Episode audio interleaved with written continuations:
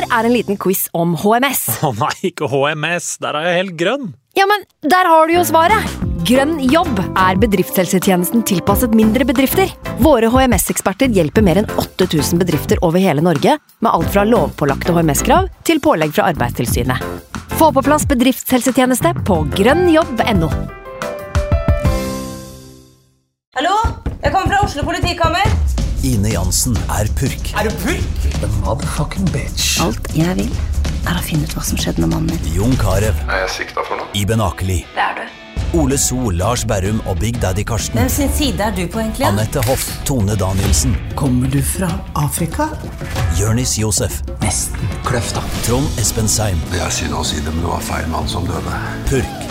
Premiere tirsdag på TV2 Play.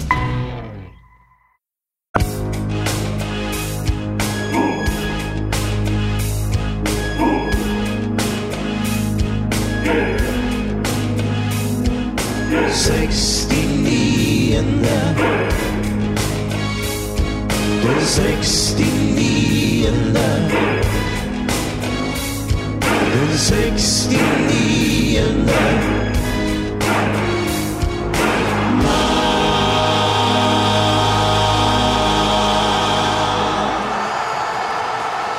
Vi er klar for nok en episode av Den 69. mann, og heldigvis så er Snorre fortsatt syk.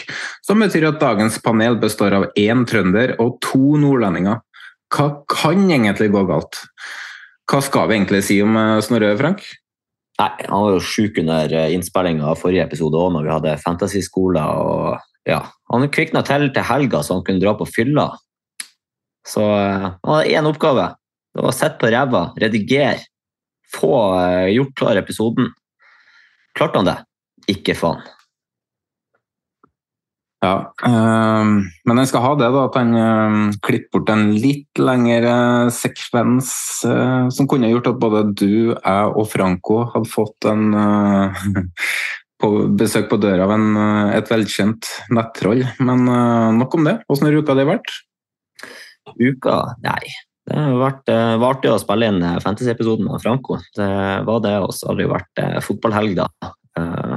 Full, full kvartfinale i cupen, så det var gøy å dra på kamp som vanlig. Enn du, Jonas, du har kanskje ikke vært på kamp, eller du har jo vært på kamp, men ikke med ditt kjære Rosenborg. Nei, jeg har ikke det, vet du.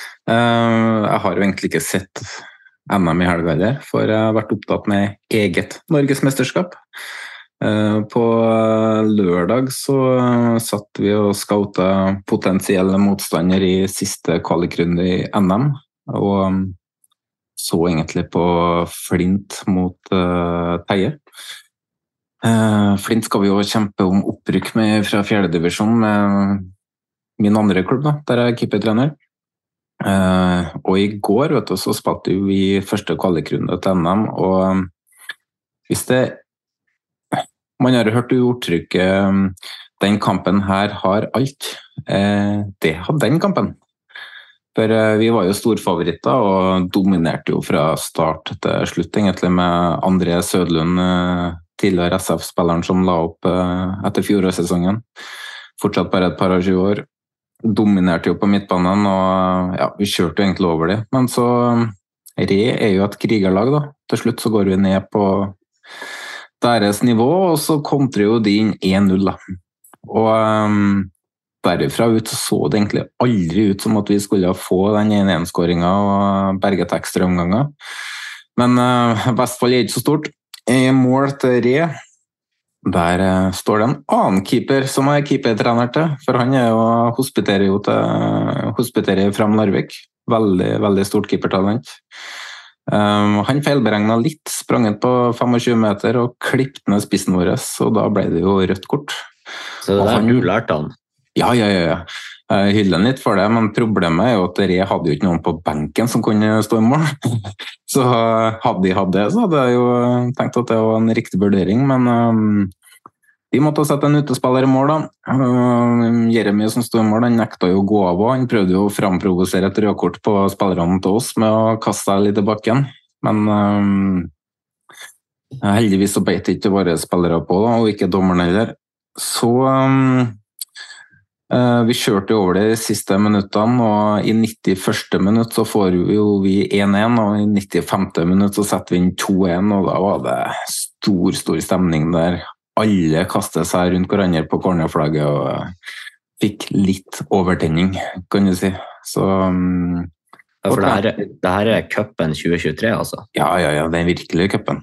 Ja. Uh, treneren Terje og for øvrig Espen S. Lund, som eh, spilte i Sogndal tidligere. Uh, men det stopper jo ikke der, vet du. Vi er jo videre. Vi skal møte én motstander til. Jeg vet ikke hvem ennå. Og går vi videre der, så er det jo 99,69% sikkert at vi får Sandefjord fotball i første runde i cupen, så det kan jo bli stort. Men eh, Jesper Horten Kjærnes, han som har laga jinglene våre, det er jo keeperen på vårt lag, han eh, skal jo på fjellet og spille denne helga. Og da må vi kaste oss rundt han til ny keeper. Så hadde jeg en i tankene, sendt melding til han. Ja, det vil han veldig gjerne, men han skal på jobbtur. Og da er jo alternativet meg, da. Har ikke hatt keeperhansker på meg siden 2018. Har jo knapt rørt meg siden 2018. Det finnes ikke keeperdrakter som passer meg lenger, og jeg er jo jeg har ikke lyst til det der i hele tatt. Så Stå utpå der og drite meg ut. Da har jo ingenting i mål å gjøre lenger. Men uh, det er nå greit. Hadde jeg fått duka her og trent på, så kunne jeg det gjort underverker, kanskje. Men uh, det kan jeg heller ikke, for kjerringa er bortreist, så jeg har jo ikke muligheten til å trene. Så øh, akkurat nå så jobber jeg intenst med å få hente inn en keeper som kan stå i mål, så jeg slipper å stå der og drite meg ut øh, på søndagen og ødelegge øh, muligheten for å få Sandefjord fotball i cupen. Så det har jo vært min uke, da. Den 69.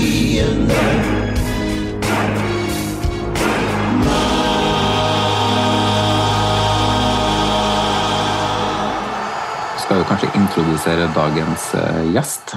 Og han er kanskje den kjekkeste supporterlederen i hele Norge, men mest av alt så er han kjent for å ha laga lister på Twitter. Eh, Da jeg og Frank skulle starte opp en podkast, så var han den aller første vi tenkte på.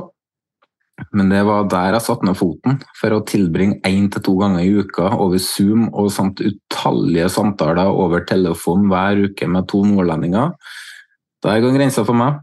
Eh, Vi fant deretter ut at vi måtte gå for en trist og gørr kjedelig østlending som kunne få meg og Frank til å framstå bra, i tillegg til at han måtte ha litt teknisk kompetanse i form av bl.a. redigering. Og da var jo valget enkelt, det måtte jo bare bli Snorre.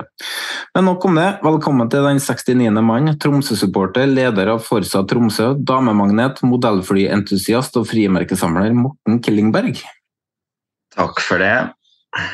Modellfly, det er noe du pleier å bruke fritida på, ikke sant? Nei, det er dårlig med, med modellfly her i gården, dessverre. Ja, ja. Av og til så sender jeg jo rundt meldinger for å få litt inside på gjestene våre. Um, Jeg var litt seint ute i dag, sendte meldinger for to timer siden. Og alt jeg fikk, var at du hadde ei jævla fin søster. Det, det var ikke mer enn det. Da, da lurer jeg veldig på hvem du har snakka med, ja. Jævla Katos. Jeg har vel, jeg har vel mine mistanker, kanskje. Har du, har du tips? Nei, det kan være mange. Jeg var ikke Cato. Men alle oppi der heter jo Cato, så det kan jo være hvem som helst.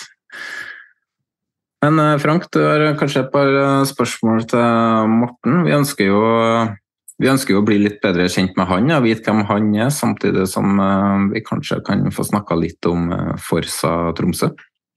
Ja, vi har jo hatt litt forskjellige gjester med litt sånn celeber eh, karakter, men vi er jo først og fremst en supporterpod der vi har supportere som gjester. Og i dag så har vi fått med oss han Morten, og vil jo bli bedre kjent med personen og supporterlederen og hva det er som har fått frem denne sterke lidenskapen for, for fotball, Tromsø, tribunekultur og alt. Så Morten, du må gjerne snakke litt om deg sjøl.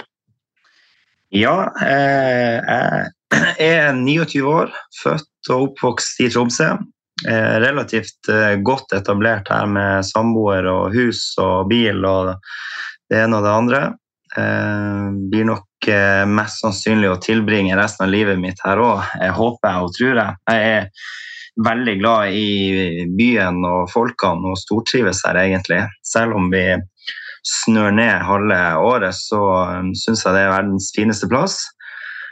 Jeg er, som dere også har vært inne på, leder for Fortsatt Tromsø, som eh, om eh, to uker fyller ti år. Og det har jo tatt eh, mye tid av mitt liv og min hverdag i de ti årene, da.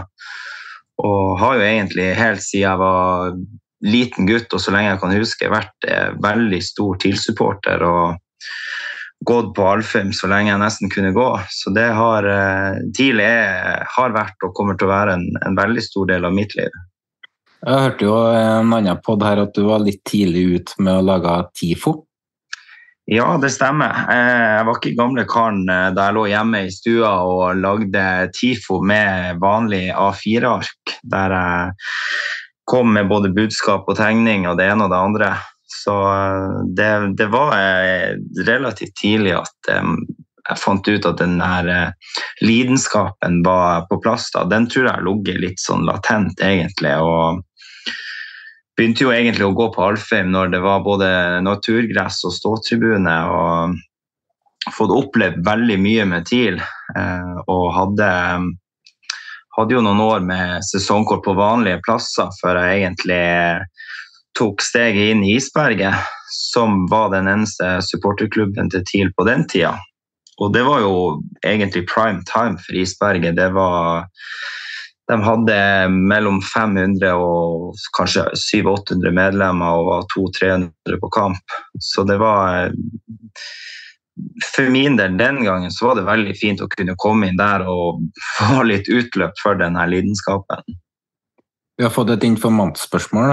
Eh, hva skjedde egentlig i kulissene når eh, du ble valgt som leder i Isberget, for så å trekke seg rett etterpå? Det er mange som skulle ønske de var flua på, på veggen på det møtet der. Det var, vi må spole tida tilbake til sommeren 2020. Eh, korona har selvfølgelig kommet, og eh, dessverre var vi rykka ned og skulle gå løs på en sesong i Obos-ligaen som ikke kom i gang før eh, 3.7. Ganske spesielt. Og da hadde Isberget et eh, ekstraordinært årsmøte dagen før eh, seriestart. Der jeg hadde noen uker i forkant fått en eh, telefon fra valgkomiteen om jeg kunne tenke meg å stille til valg som ny leder der. Og det, det brukte jeg selvfølgelig litt tid på å um, fundere på om det var noe jeg hadde lyst til å gå løs på. Så jeg endte i hvert fall opp med å, å stille til valg fordi at jeg hadde en ganske sånn tydelig plan og intensjon på hva jeg både ønska med fortsatt Tromsø og Isberget. Eh, og uten at vi skal få gå for mye detaljert i det møtet, så blir jeg i hvert fall valgt som eh, leder eh, med én stemme mer enn motkandidaten. Og da er det jo eh, flere sentrale skikkelser i isberget som pga. at jeg blir valgt som leder, trekker seg og begynner å demonstrere på årsmøtet, og det er skitkast og det ene og det andre. og da det kanskje altså Det tok ikke mange sekundene før jeg kjente at det her, det gidder jeg faen ikke. Hva kommer da, den, hva kommer den uh, konflikten eller misnøyen uh, fra? Hadde du sagt eller gjort eller ytra noe som gjorde at det var misnøye mot deg som person? Nei, altså det handler vel om at uh, jeg for ti år siden gikk ut av Isberg og starta opp Fortsatt Tromsø. Jeg tror det er mange som som syns at det var dumt, eh, og som enda ikke eh, forstår det. Og dem om det. Og så har de nesten sett på fortsatt Tromsø og meg som en konkurrent hele veien, uten at vi har ønska å fremstå som det. Vi har jo heia på samme fotballklubb, så det, akkurat det har jeg ikke helt forstått. Og, men jeg tror, det, jeg tror, det, handler veldig mye om det at de som har vært i isberg i 20-30 år, så at plutselig skulle jeg og vi komme inn og eh, ta litt over, det likte de rett og slett ikke. Så da ble det de reaksjonene det ble. Og så um, er det jo heldigvis veldig få som støtter opp om det, da. Isberget, eksisterer de i dag, eller? Ja, de eksisterer, men de er jo de er kanskje ti-tolv stykk på kamp. Etter det årsmøtet der vi fikk en voldsom oppsving og har egentlig bare hatt ei pil som har pekt én vei etter den dagen, så har pila gått motsatt vei for isberget. Og hatt både medlemsflukt og færre folk på kamp. og ja, det, det er en liten gjeng igjen, så, og de kommer til å være der, det tror jeg. Det høres jo veldig rart ut at, uh, at de har så forskjellige interesser fra dere. De må jo forstå at dere er jo der for Tromsø fotballklubb. De, dere er jo ikke der for dere sjøl og for å fremme dere sjøl, dere er der for å støtte laget og hjelpe laget på banen. Så det høres jo veldig rart ut med den uh, måten de ønsker å ha en konflikt på. Jeg er helt enig med deg. Jeg har eh, gjennom de ti årene vi har holdt på, aldri forstått eh, den eh, skeptisen og negativiteten de kanskje har hatt overfor oss. Det har vært lite samarbeidsvilje. og de kampene vi eventuelt har stått i lag på, eller borteturer man har reist på, så har det vært mer skuling og, og skitkast enn å faktisk samarbeide. Så det, det er veldig synd, fordi jeg har hele veien tenkt at hvis vi en dag kom dit at vi kunne forene Fortsatt Troms og Isberget, gjerne som to klubber, men stå i lag på et felt, så har jeg tenkt at det er det beste for TIL og, og tribunelivet i Tromsø. Og det var det som var min idé den, eh, den gangen jeg stilte til valg på det årsmøtet. Og, eh, og la frem en tydelig plan på hva jeg ønska. Men eh, det ble dessverre ikke tatt godt imot det var jo akkurat det som skjedde her i Bodø. Det her gjengen til 1916 og det som var eh, Om det heter Den gule horde eller Havørnene eller hva det heter da. Det ble jo slått sammen til J-feltet. Selv om at man har hver sine grupperinger, alt etter hva kompisgjengene er osv., så, videre, så er vi jo én supporterklubb i dag. og jeg vil jo tro at på sikt så ville dere også vært tjent med det at alle sammen sto som en samla enhet. Absolutt. Og det, den, eh, den, måten å gjøre det på, både som er gjort i Bodø og i, i, Stavanger, det var jo litt det vi eh, ønska å få til her oppe òg. Og egentlig ha et, eh, et, felles felt der flere grupperinger kunne stå. Men eh, det har jo vært en strid om hvor på stadion man skulle stå. og Vi har vært opptatt av akustikk og det å kunne komme tettere på den største massen på Alfheim. da. Men eh, den andre gjengen har vært mer opptatt, av å ha, ha, sol på kamp og være nært banen og ja, andre typer ting. Da. Så vi har hatt litt andre, eller ulike intensjoner på hva som er viktig for oss. da. Jeg som supporter hvert fall, jeg skjønner jo hvorfor det nå i dag er Forsa som er eh, det, har tatt en ledende posisjon på tribunen i Tromsø. Jeg forstår det jo fordi at jeg, jeg, hører jo at det er jo en gjeng som har sterk lidenskap for klubben og for tribunekultur. Uh, men hva, hva, du sier dere har tiårsjubileum nå. Ta oss tilbake til fødselen. Ja, det hele starta jo egentlig, for å ta det helt tilbake, cupfinalehelga i 2012. Vi har, hadde flere år med, med sportslig suksess med TIL. Vi tok Eh, medaljer, vi spilte Europa jevnlig og hadde, hadde, det veldig gøy. og På den tida var jeg jo medlem og aktiv i Isberg og kjente jo veldig på at jeg ønska å skape noe nytt eh, og um, la den tribunekulturen som jeg sto for, da, eh, få mer utløp. For det følte jeg ikke fikk til i Isberget. Så den cupfinalehelga der så var vi et gjeng som bestemte oss for at nå er det endelig på tide at vi faktisk eh, tar ut den ideen i virkeligheten. Og da eh, bestemte vi oss gjennom den vinteren inn mot 2013 eh, om at nå skal vi starte opp. Og vi gikk ikke noe høyt ut og sa at eh, nå skal vi komme inn her og ta over og bli størst og best. Og vi troppa egentlig opp på første hjemmekamp uten at noen visste om det. Og så fikk vi jo en eh, veldig god mottagelse av både spillere og klubb. og hadde en, en hellig artig vårsesong, men dessverre så ender jo hele sesongen med et nedrykk. og det var det jo egentlig ingen i Tromsø som hadde venta, så det var en jævlig tøff start for oss. Men så har vi stått i det, rett og slett. Vi har vært en, en liten gjeng som har vært veldig sammenspleisa, som har hatt det gøy på veien, og som har eh, likt det vi holder på med. Og det er jo egentlig det som har vært driven i oss og gjort at vi har overlevd de, de gangene der vi har spurt oss sjøl om det er liv laga for to supporterklubber. Du nevnte jo det her med at dere ble tatt godt imot av eh, klubben og av spillerne. Det virker jo som at dere har en, et ekstremt tett bånd til eh, både administrasjon og det sportslige i klubben.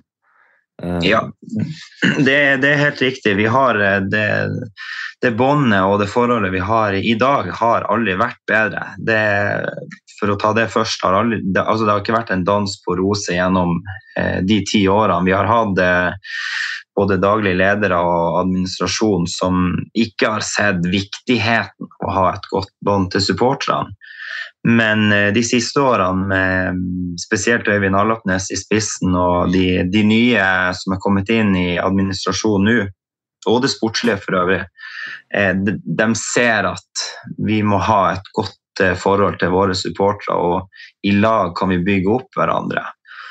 Og vi har jo gjennom eh, to, tre, fire år nå egentlig jobba strategisk i lag med hvordan skal vi løfte fortsatt Tromsø, hvordan skal vi løfte stemninga på Alfheim.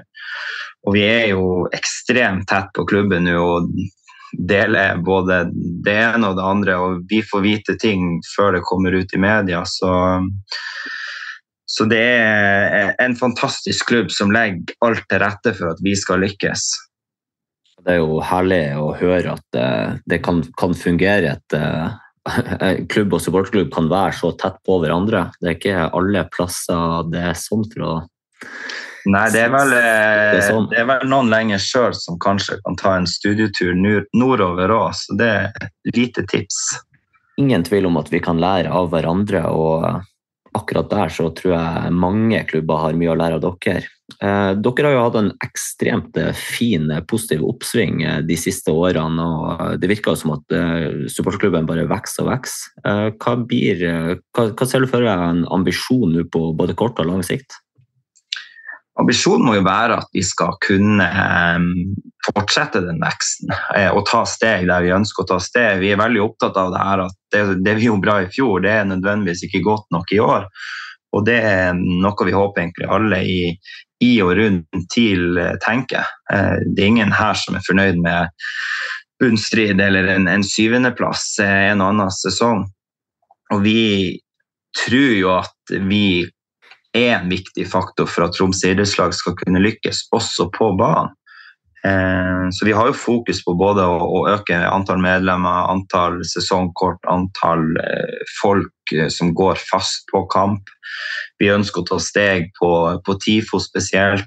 Der har vi fått på plass ei veldig engasjert TIFO-gruppe som har masse kule og spennende planer for året som kommer.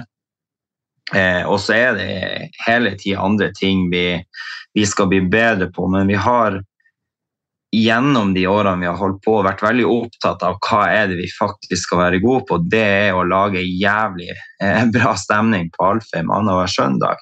Og så skal vi ikke omfavne for mye og, og vokse oss for stor. Det det viktigste som jeg var inne på i stad, at vi skal ha det gøy på, på, veien, og så skal vi lage bra stemning på kamp. Det er vår eh, hovedoppgave. Helt til slutt, før vi runder av eh, snakken om Forsa. Eh, hva vil du si til de som kanskje står litt på gjerdet og er litt usikre på om de skal hive seg med på feltet? De er hjertelig velkommen. Vi har helt siden 2013 promotert oss som at en supporterklubb som skal være åpen for alle, men i mange år kanskje blitt sett på mer som en kamerat-ungdomsgjeng. Så vi har jo veldig lyst til at folk i alle aldre skal kunne ta del i det tribunelivet og det samholdet, ikke minst, som vi holder på å bygge opp. Så det alle skal bli tatt godt imot og føle seg velkommen hos oss. Det er veldig, veldig viktig. 69.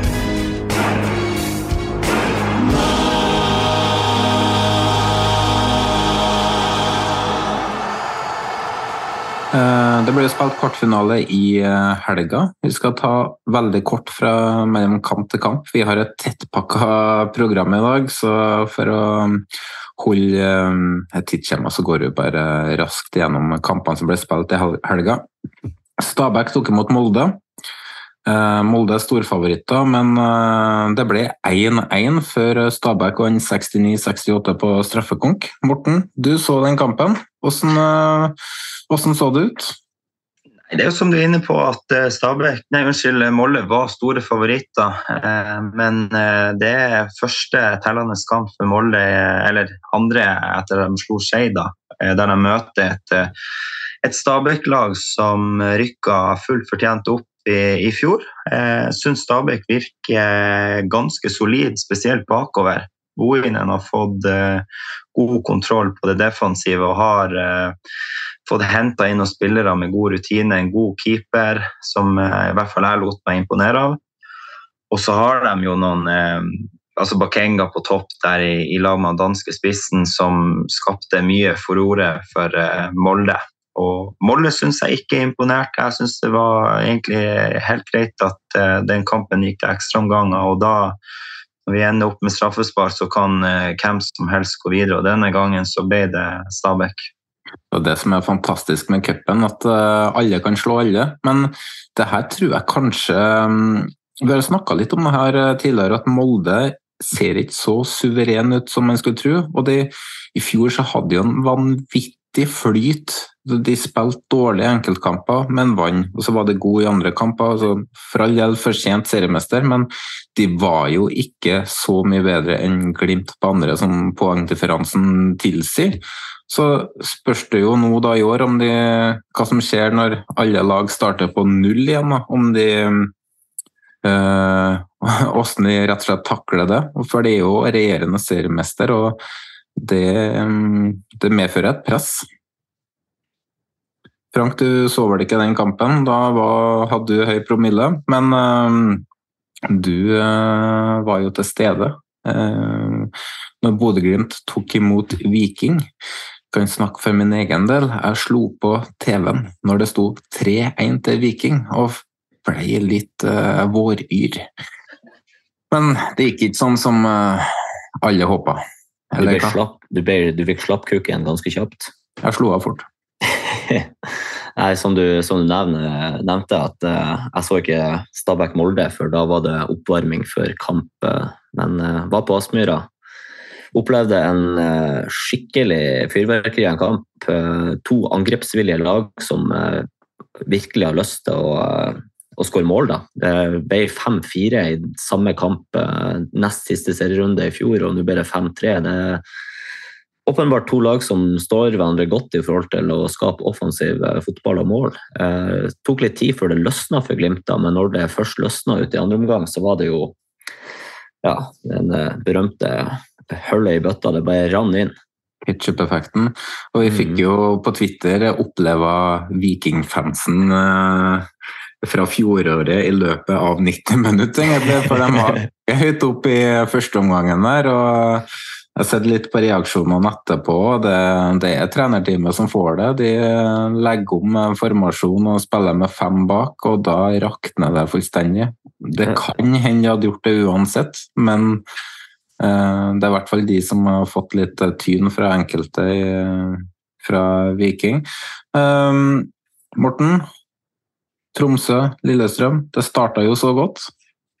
Det starta godt. Det var en god og imponerende førsteomgang av TIL som er det beste laget og har egentlig god kontroll på, på Lillestrøm. Snakka litt med mm, sportslig leder i TIL før kampen som sa at det er to lag som egentlig ikke liker å møte hverandre, for det blir veldig sånn eh, spill mot spill her, og man eh, nøytraliserer hverandre egentlig.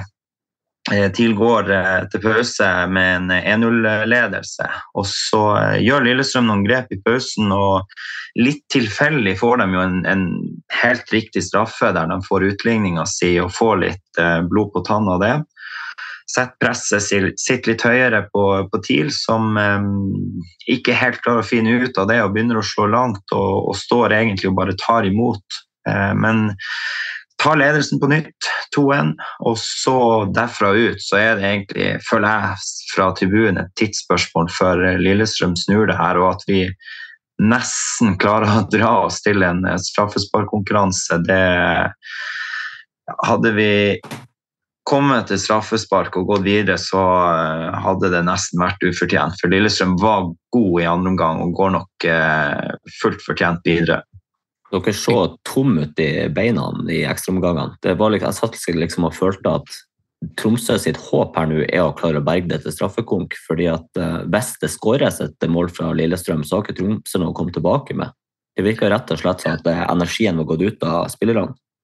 Helt riktig. og det er Akkurat det samme så vi fra tribunen òg. Det var både tunge bein og hoder tidlig der egentlig i andre omgang. og jeg tror de, de 120 minuttene mot start på søndag eh, forrige helg, de satt eh, tungt i. og det, det er forståelig, det er tidlig i sesongen, og vi, vi, har heller ikke en like sterk benk som Lillestrøm, som setter inn på en uh, Tobias Svendsen der beina gikk som trommestikk, og det, var, det så blytungt ut for dem som skulle springe etter ham utrolig gledelig å se Tobias Svendsen ute på en fotballbane igjen. og For et nivå han holdt. Jeg har uh, sett og hørt flere LSK-supportere som har snakka om han i preseason.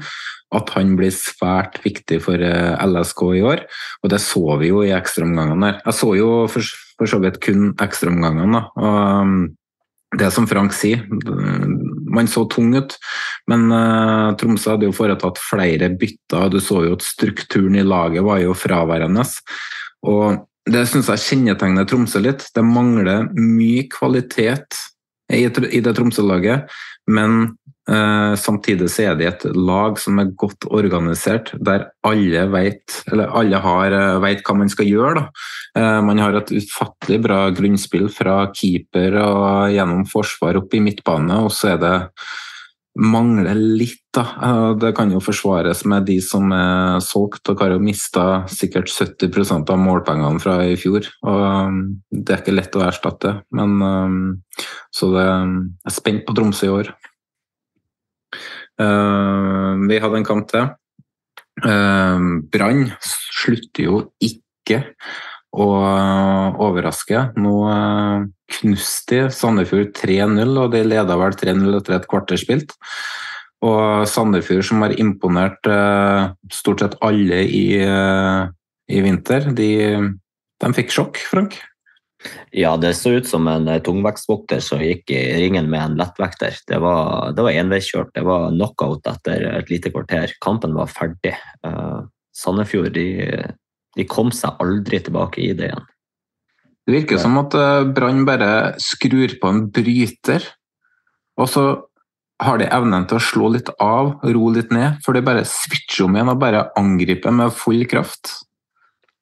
Jeg tror, det, jeg tror det bor veldig mye i det brannlaget her nå. Jeg tror, det, jeg tror de blir farlige og rett og slett de Jeg tror de tar medalje. Det som er med Brann, og Sandefjord Jeg tror Sandefjord må møte en viss type motstander. Jeg tror Sandefjord vil elske å spille mot Tromsø, som prøver å spille seg ut, sånn at de kan sette presset. Mens Brann, som da evner å variere spillet sitt med å slå over, slå forbi, så blir de fortere straffa. Da. Og eh, Forsvarsleddet eller det defensive til Sandefjord er vel ikke akkurat deres fremste styrke heller. Men eh, jeg er veldig spent på å se hvordan Brann eh, altså Sandefjord er jo en kvalifisert motstander, men hvordan takler de å møte Glimt, eh, Viking, eh, Molde osv.? Det er jeg veldig spent på. For nå har de jo egentlig høvla over litt svakere motstand til nå. Men uh, da står vi da igjen med Lillestrøm hjemme mot Bodø-Glimt og Stabæk hjemme mot Brann. Er ikke det riktig, Frank? Jo, det stemmer det. Semifinaler 26.4. Ja. Så uh, vi tar litt Vi må vel kanskje kjøre en uh, ja, litt cupspesial eller noe à la sånt når det nærmer seg. Um, må snakke litt om kampene, men det er jo fortsatt lenge til, så Ja. Vi trenger ikke å si så mye. Det er mye som kan ha forandra seg fram til den tid. Um, men vi skal over til slangespalten.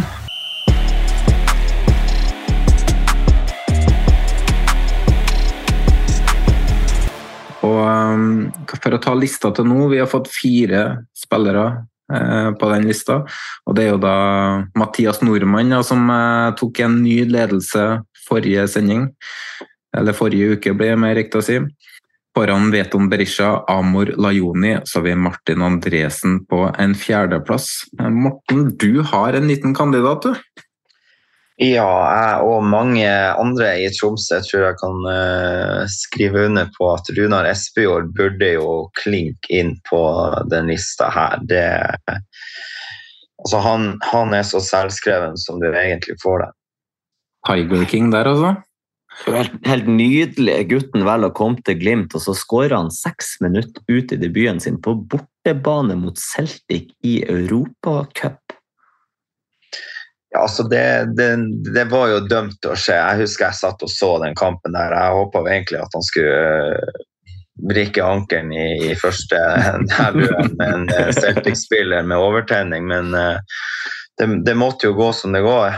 Eller som det gikk. Uh, og det altså For hvert mål uh, Runar skårer i Glimt-trøya, så stikker det langt inn i tidlighjertet. Det gjør det. Uh, så det var ikke mange minuttene vi fikk der før det tok løs. Hvordan føles det? Eh, Runar Espejord er jo en eh, ja, han er jo en Tromsø-gutt. Han er fra byen, ikke sant? Ja. Spilt i Tromsø hele livet.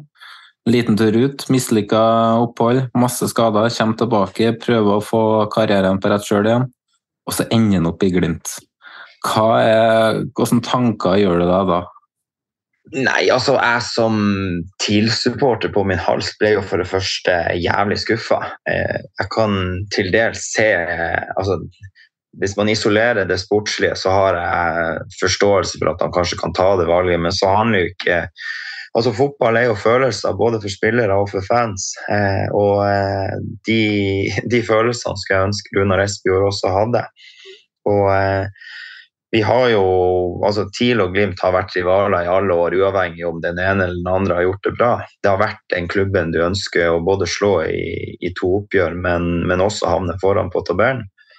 Og så eh, får jo Glimt en, fantastisk og en eventyrlig reise som starter i, tilbake i 2019. Der Runar Espejord er i TIL og rykker ned med klubben sin. og går ut til Heerenveen, mislykkes der, kommer tilbake, får tid og tillit til å bygge seg opp og, og bli skadefri, noe han faktisk ble den uh, høstsesongen han var på lån her. Og så uh, kommer det jo uh, et valg der Glimt kommer på banen, og han må selvfølgelig ta et sikkert et jævla vanskelig valg for sin karriere, og Glimt frister. Um, men men vi som er veldig tett på TIL, så jo allerede da at vi hadde et spennende prosjekt på gang som man mer enn gjerne ønsker i hvert fall Tromsø-gutta med på. Eh, og det å kunne kanskje ta del og være med på å bygge opp eh, sin egen klubb, da. Eh, men istedenfor så velger han å gå til, til erkerivalen og hoppe på egentlig et tog som er i full fart og eh, altså ikke noe vondt om Glimt-supporterne, men jeg tror nok at Runar Espejord eh, betyr, ville betydd mer for TIL-supporterne. Eh, Nå er det litt sånn, Han er fra Tromsø, og de vet at det er stikk for oss, og han blir tatt, opp, eh, tatt imot med åpne armer pga. det. da. Runar Espejord er Tromsø-gutt. Tok det vett og gikk til Glimt til slutt. Folk i Tromsø syns at det er tull, men han tar oss til seriegull. Sjalalala. Ja, vi kutta den der. Jeg fikk endelig muta Frank. Det tok litt tid å finne den knappen, men hvorfor har jeg ikke funnet den før? Det er jo Nei, jeg skjønner. Det skal jo sies at etter Runar Espejord kom til Glimt, så har det jo blitt eh, få titler, så la oss håpe at det fortsetter. Kanskje han er der bare for å lage faenskap, rett og slett? At han er en, en liten muldvarp i gruppa? Kanskje det. Da må han i hvert fall roe litt ned med det målsnittet sitt, tror jeg. Ja, han har eh, løfta seg i høst, han. Um, jeg er jo enig i at uh, Espejord uh, det er slangemateriale. Hva tenker du som Bodø-supporter, da? Og det har ikke lov til å si, nei. Det er ikke lov til å si Bodø-supporter. Det er Bodø-Glimt-supporter. Frank? Jeg er helt enig i at han Espejord skal på lista, men for meg så er han jo ikke noe høy, høyt på lista. Hva tenker du da, Frank, eh, med de firene vi har på lista her? Eh, skal vi begynne i bånn? Ja. Sette den på femte. Skal han over eller under Martin Andresen? Den er vanskelig. Jeg kan kanskje ha litt medlidenhet med Morten og si han skal over Martin Andresen, men jeg tror ikke han skal høyere enn det tenker du, Morten? Dumt spørsmål, kanskje?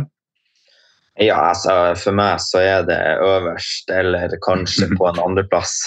Det, det syns jeg. Ja, for uh, Mathias Nordmann på første, det er jo òg en tidligere Glimt-supporter, så det er vel ikke en du har et som uh, Ja, du har et godt forhold til utgangspunktet? Nei, det, de, de, de, fleste som har spilt i Glimt, de står vel ikke øverst på min liste. Tom Høgli. Tom Høgli skal uh, øverst på min liste. En, uh, på tredje, da, der har vi Amor Lajoni. Jeg er for så vidt enig i at han skal over eh, Martin Andresen. Um, Frank, du uh, har jo et forhold til Amor. Jeg, men, jeg, mener jo det at både Berisha og Amor, som er på andre og tredje, er større slanger enn Espejord kan det selvfølgelig så stikker det litt eh, ekstra for eh, de oppe i Tromsø, men eh, Espejord har ikke gjort, gjort, det så jævlig for dem til nå. Ja, du vil ha han over Amor, Morten? Ja, det Han burde i hvert fall inn på topp tre der. Frank mener under, men, og du mener over. Um,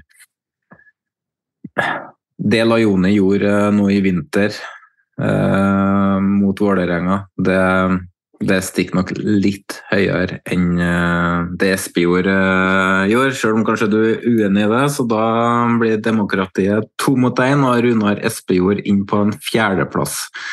Men uh, det er ikke bare å bare passe passere Runar Espejord i framtida heller. Den er absolutt en slange. Han kler, den, kler den fjerdeplassen der, altså. Han kler den. Det, men samtidig, den sveisen og barten, det gjør at altså, vil, vil, du ha den opp til tredje pga. det? Ja. Han er så stygg at du vil ha den opp. han, han, altså, ansiktet hans er jo pent, men han ødelegger det jo med det Nei da, vi plasserer Runar Espejord på en uh, god fjerdeplass.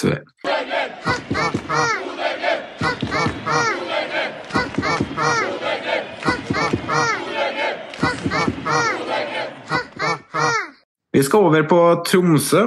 Tromsø 2023. Frank, du eh, kan ta en runde med Morten her. Ja, jeg tenkte jeg bare skulle oppsummere kjapt uh, først, da, før du er ferdig med å mute meg nå, Jonas? Det, det var ikke meninga! Jeg var notert ned 41 klipp. Jeg skulle mute meg sjøl, for jeg skulle rape. ok, kjør. Um, hvor vi starter igjen nå? Yes, jeg tenkte jeg skulle bare starte med en liten sånn oppsummering før vi går igjen med gang med praten. Uh, Tromsø 2023. Tilstand katastrofe. Overgangsmarked. Solgt det som kunne sparke ball. Henta inn kun rundingsbøyer. Økonomi konkurs. Målsetting 15.-plass. Unngå jumboplassen. Nedrykk blir det uansett. Fremtid Post Nord garantert. Nei, det var kanskje litt usaklig, men eh, eh, Morten, hvordan står det til oppe i Tromsø? Det er egentlig jeg og de fleste som følger TIL veldig spent på. Vi har jo eh, hatt en del utskiftninger etter fjoråret som egentlig gikk over all forventning. Der vi havna på en syvendeplass og var egentlig ett fattig mål unna en råsterk femteplass. Eh, vi har jo solgt eh, unna kanskje de tre beste spillerne våre, eh, August Mikkelsen, Kitolano og Kamanzi. Som Jonas var inne på tidligere, sto for ekstremt mange av våre målpoeng.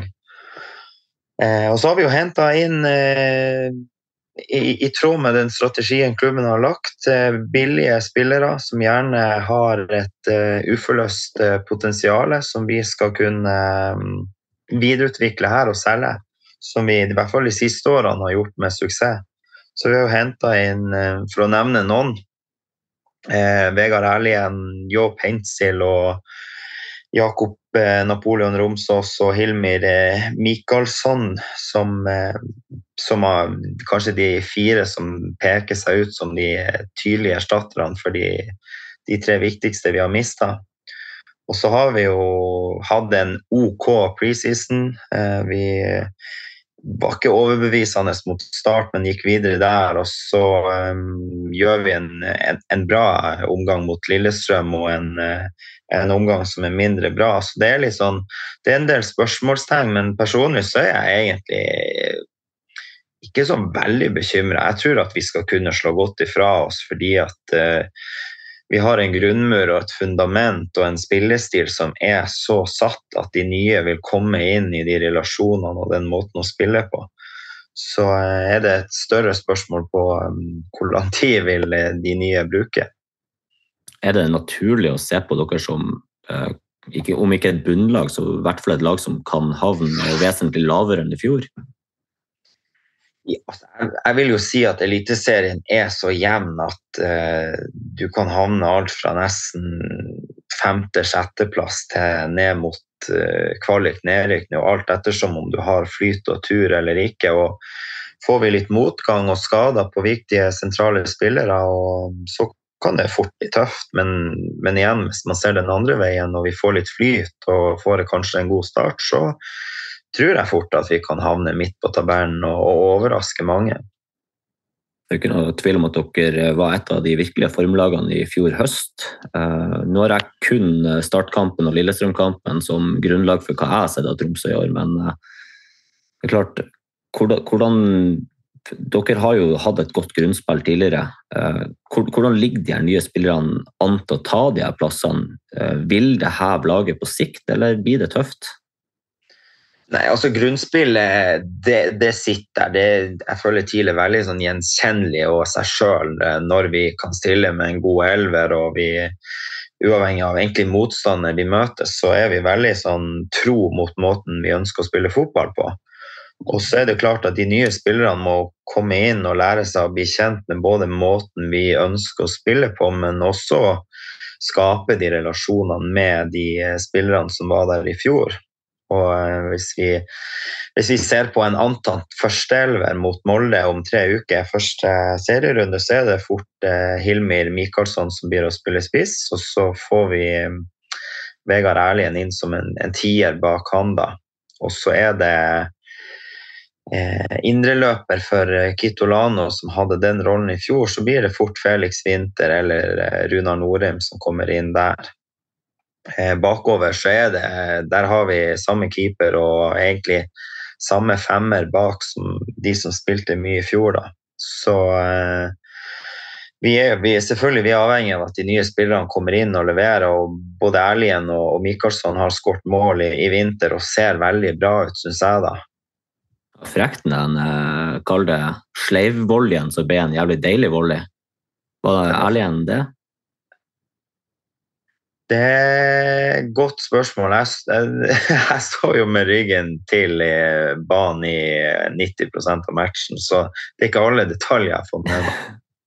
Nei, Det var jo han, det ser ut som at han skal skyte, og så vipper han den bare over motspiller, og så brenner han til med motsatt fot. Det var, det var snadder. Skyting, eh, når du nevnte ordet keeper, da. Ehm, jeg laga jo en eh, liste i fjor på eh, rangering av førstekeeperne i um, Eliteserien. Og da hadde jeg Jakob Haugård langt ned på lista, for han imponerte ikke meg i det hele tatt uh, preseason og starten på sesongen i fjor.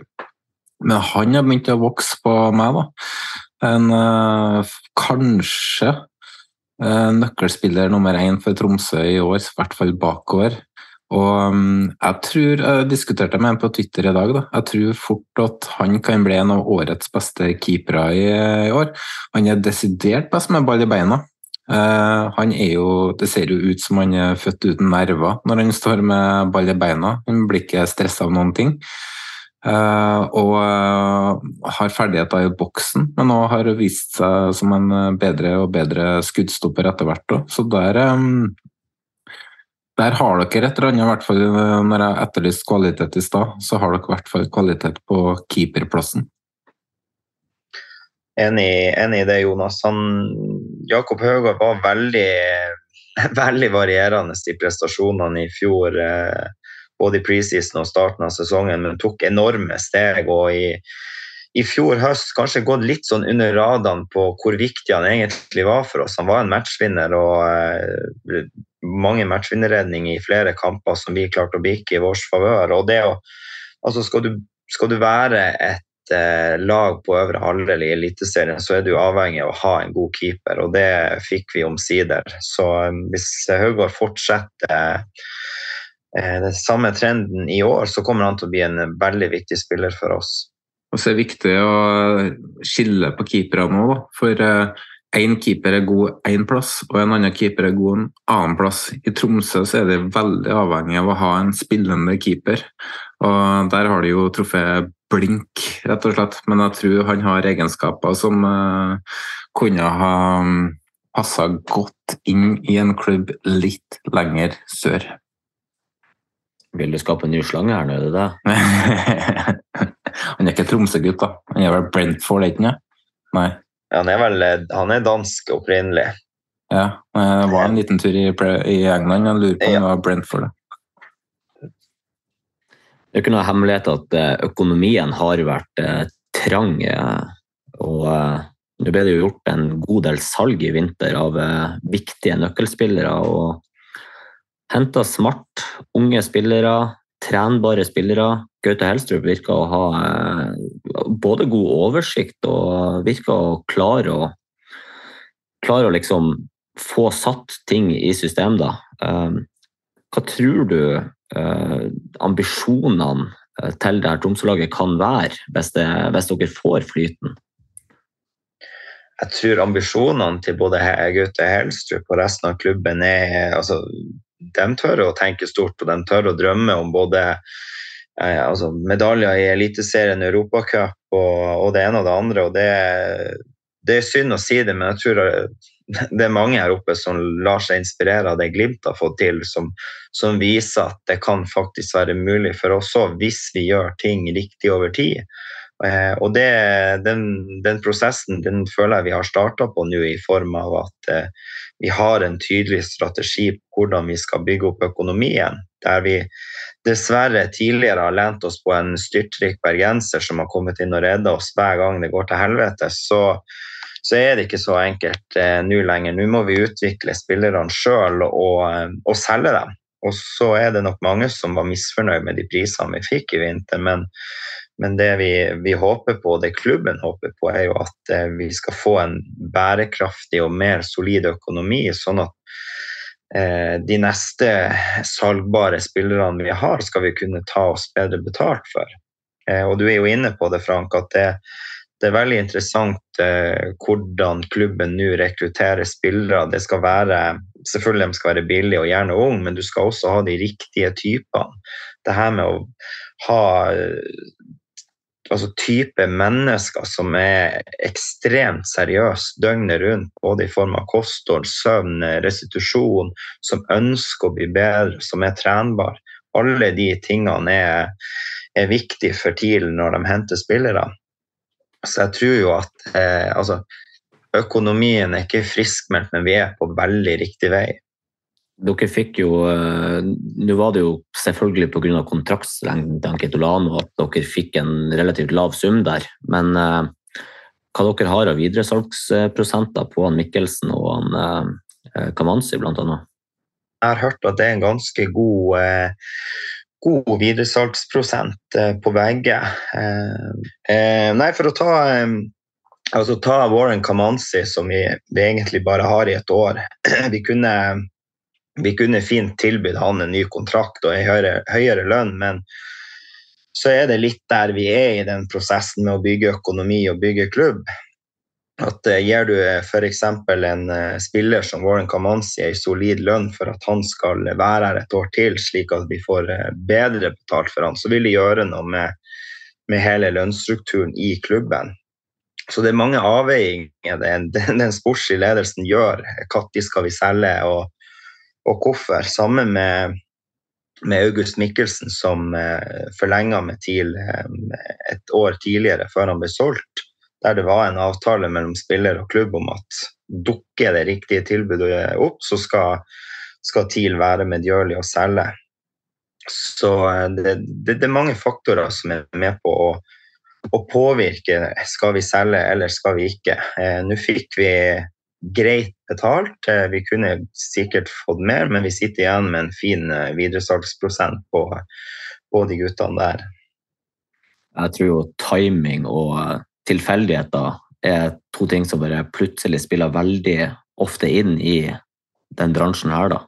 Og det er jo det å vite når timinga er riktig for å sende spiller til neste klubb, da. Og det virker jo som at dere har truffet godt, i hvert fall på Kitolano ble jo litt kort kontraktstid, som sagt, men dere har truffet godt på Mikkelsen og truffet godt på Kamanzi der. Ja, absolutt. Og det, jeg tror klubben lærer hele veien at uh, vi, vi, ønsker å kunne signere lengre kontrakter med de spillerne vi henter, sånn at vi skal kunne sitte igjen med mer cash når de går. Så det, det, som sagt, det er en prosess der. Vi er tidlig i den trappa der vi skal begynne å, å, å gå opp, og forhåpentligvis om altså Kanskje om noen få overgangsvinduer også, så sitter vi med bedre kort på hånda og kan si eh, nei til de nesten skambudene som ramler inn, og kan heller begynne å se både 20, 30 og kanskje 40 millioner etter hvert. Det har vi jo sett i vinter også, at eh, overgangssummer eh, fra andre norske klubber ut til Europa har jo virkelig eskalert. Og jeg ser ikke noen grunn til at ikke dere òg skal kunne få til sånne salg om kanskje ett og to og tre år. Absolutt. Og klart, når, når Viking kan selge Karlsbakk for 35 millioner, og altså selv Ålesund har hatt noen solide salg de siste årene, Haugesund med eh, et storsalg, så det, det, det, er ingenting i veien for at vi også, også, skal kunne komme dit. Men det er klart, med en, en skakkjørt økonomi som vi har hatt de siste årene, så sitter vi med fryktelige dårlige kort på handa. Og de kortene begynner å bli litt bedre nå. Så det er litt forskjell på å selge en um, høyreback og en indreløper kontra det å selge en offensiv spiller. Nå solgte jo dere August Mikkelsen, men det var til Sverige. Hadde han gått til Nederland, så hadde det nok uh, vært langt høyere sum uh, dere kunne ha fått for han. Så det handler jo litt om hvor man selger hen òg. Hvor interessen er ifra, hvor mange klubber er interessert, osv. Helt avslutningsvis, Morten, så må vi jo spørre hvor eh, spår du TIL på tabellen i år? Jeg skal være veldig optimistisk. Mulig det blir å bite meg i ræva når vi skal oppsummere i november, men jeg har eh, veldig tro på TIL og Gaute i år. og jeg tror faktisk vi klatrer én plass eh, fra den plasseringa vi fikk i fjor, så jeg melder en råsterk sjetteplass. Det vil i så fall være veldig sterkt. Hvordan lag er det dere eh, har foran dere? da? De lagene vi har foran oss, det blir, eh, det blir Molde, det blir eh, Glimt, det blir Brann, og så Lillestrøm kommer der. Og da mangler vi vel ett lag til, og det har veldig lyst til å si Jonas sitt kjære Rosenborg, som tror nok skal klare å stable et såpass solid lag på beina at de så vidt kommer over oss. Hvis vi så vidt kommer over dere, da, da ryker det varmt i Trøndelag, tror jeg. Men fint. Uh, vi skal gå videre. Jeg tenkte å gå gjennom litt overgangsvinduet. Eller ikke gå gjennom, men det er jo elleve dager igjen til vinduet stenger. Uh, har vært i kontakt med en del eh, supportere fra andre lag for å høre litt hva, hva lagene egentlig trenger, og, og uh, hva de har å rutte med. Da. Så vi tar um, noen av lagene nå, og så tar vi et par lag uh, neste uke. starter med mitt kjære Rosenborg, da, som har slitt veldig i preseason. Uh, slitt veldig mye med skader og sykdom og veldig lite kontinuitet i treningskampene. Uh, det så veldig mørkt ut på Twitter uh, på lørdag, men det er veldig lett å glemme at de hadde en åtte-ni spillere utilgjengelig til den kampen nå. Alt fra Yttergård Jensen til Pereira som var skada. Vi har jo ja, Isak Thorvaldsson, Ole Sæter det er mange spillere, da, som Tobias Børke, mange spillere som ikke har vært tilgjengelige da, eh, samtidig. Det har de lidd veldig av. Da. Men eh, hva Rosenborg bør ha inn da. Jeg etterlyser jo en uh, klar og tydelig sekser som har sine ferdigheter med ball. Gjerne en litt uh, Patrick Berg-type som uh, kan diktere kampene og, og, styre. En litt lederfigur. og da da det ropes jo veldig høyt om Ole Selnes i Rosenborg nå. Og det tror jeg kan bli en realitet til sommeren når kontrakten hans eh, går ut i Sveits. Fortsatt 28 år. Eh, holder fortsatt høyt nivå, slitt litt med skader i år. Men det er ingen tvil om at han ville komme tilbake til Rosenborg og vært topp motivert og topp tent for å få til noe med klubben han elsker. Da så lurer jo jeg litt på om er det mulig å hente den allerede nå, før eh, vinduet stenger. Da er det jo et økonomisk spørsmål, da, i og med at du kan hente han gratis uh, i sommer. Men det kan fort bli dyrere for Rosenborg å ikke svi av noen millioner på å hente ham nå, uh, hvis de får en tung start. tror jeg. For um, ja, ut ifra det jeg har sett av Rosenborg i vinter, så mangler de ballspillere, kreative spillere i midten som kan gjøre de andre bedre. Da. Men nå får du jo heldigvis Carlo Holse tilbake, og Skarsheim kommer tilbake om litt. Uh, og de har nok penger å bruke. Det har akkurat solgt en uh, Vecchia for 10 millioner. Uh, en stor lønnspost har forsvunnet. Og de hadde nok litt penger før det òg, så um, litt penger har de å bruke. Sandefjord, der jeg snakka med Lasse Ødegaard og Kjetil. De har, mener sjøl at de har småkroner å bruke, men det er tvilsomt at de blir brukt, med mindre noe spesielt dukker opp. De ligger an til å gå, for, uh, gå, i null for første gang i historien uten hjelp fra investorer. Men det er et stort hull i Sandefjord, og det er jo backup til Ruud Tveter på topp. Der har de ingen, men jeg mener sjøl at noen av kantspillerne kan eh, komme inn og gjøre en jobb der. Det er jeg tvilende til, for eh, Ruud Tveter er ufattelig viktig i oppbygginga av angrep i Sandefjord. Eh, de har en Altså, ut av Sandefjord, da. De har jo altfor mange utlendinger, så Kvint Jansen har jo fått beskjed. Uh, håper det er mulig å hente den fram Larvik, men meg om det. Odd marginalt med penger, men det finnes litt sjøl om klubben er i rød sone. Inn så etterlyses det midtbanespillere og en kantspiller eller tier. Hoff har jo stått på lista der. Det virker som at klubbene er enige, da. Det ble sagt før han starta i helga nå. Eh, men eh, trolig så er lønnskravet til Hoff eh, for høyt. Det kan man forstå når skattelistene kom i fjor. I LSK snakka med Morten Gallaasen. Han sier de har eh, penger å bruke, eh, og at det er stort behov for å få inn et anker. Det er stort hull der etter at Matthew forsvant. Eh, de har tre spillere som kan spille der, men som ikke bør spille der. Og så um, ønsker han jo en spissreserve. da. De har jo Akor Adams og Thomas Lene Olsen på topp, men bak der så er det tynt. I Vålerenga så jakta de sekser og stopper. Eh, det har de gjort i hele vinter. Nå fikk de inn Heggen på korttidslån, som kan være veldig klokt, men eh, det jobbes fortsatt med å hente en sekser der men ingenting som er linka inn per nå. Men de har prøvd på mange. Um, så kan man jo spørre hvorfor de skal ha en sekser i og med Tiago er der. Men uh, Odin Tiago, altså. Men han kan jo fort dra til sommeren. Siste klubb, FK Haugesund, snakka med Kim Are. De har penger å bruke, og det har vært et par afrikanske spisser på prøvespill. Um, inn så, ja, Det er en overkant ung stall, da. og så er det jo spørsmål om hvem som skal skåre målene. Søderlund er vel 36 år, og Samuelsen har blitt brukt på topp, men han er jo kant. Så der er det stort ønske om å få inn en uh, spiss. Jeg mener òg kanskje at de må søke etter uh, litt rutine, for det er vel det laget som har yngst stall akkurat uh, nå. Så får de inn rutine som kan gjøre de yngre spillerne litt bedre, så tror jeg de kan dra fordel av det. Kim Are sin drømmesignering er Håvard Nordtveit. Han bor i byen, men det virker som han har lagt opp.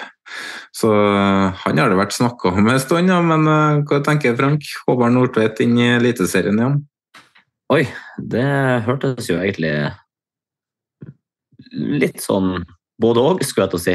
Det er litt sånn eh, Gamle storheter kommer tilbake, og så er de ikke det de en gang var. og Samtidig så kan det jo tilføre klubben mye rutine og slags pondus de kanskje mangler. Husker ikke alderen på han, men lurer på om han er like gammel som meg. Født i 90 eller 89. Så han har jo Rundt der.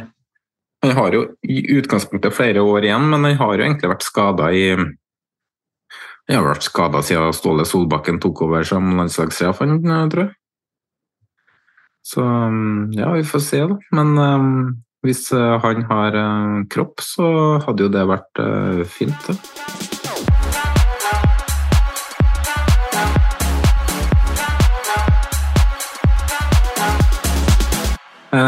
Vi skal gå videre til det jeg har gledet meg mest egentlig hele dag. Vi skal faktisk sette opp en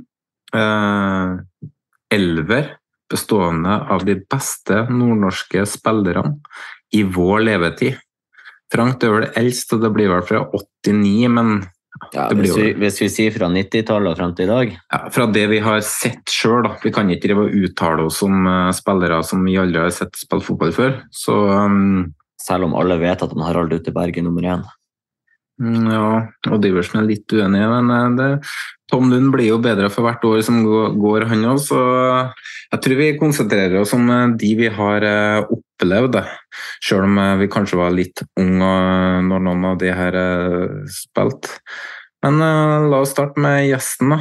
Uh, vi skal innom nordnorske spillere her. Uh, men vi kan jo egentlig dra deg til Glimt slash Tromsø. Da. Det blir vel fort det det blir. Har, um, hvem er den beste keeperen?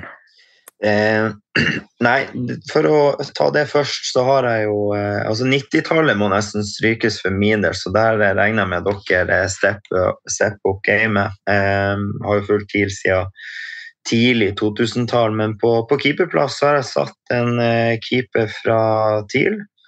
Knut eh, Borch, som eh, var inne Eh, tidlig, på tidlig 2000-tall og fikk vel godt over 100 kamper for klubben.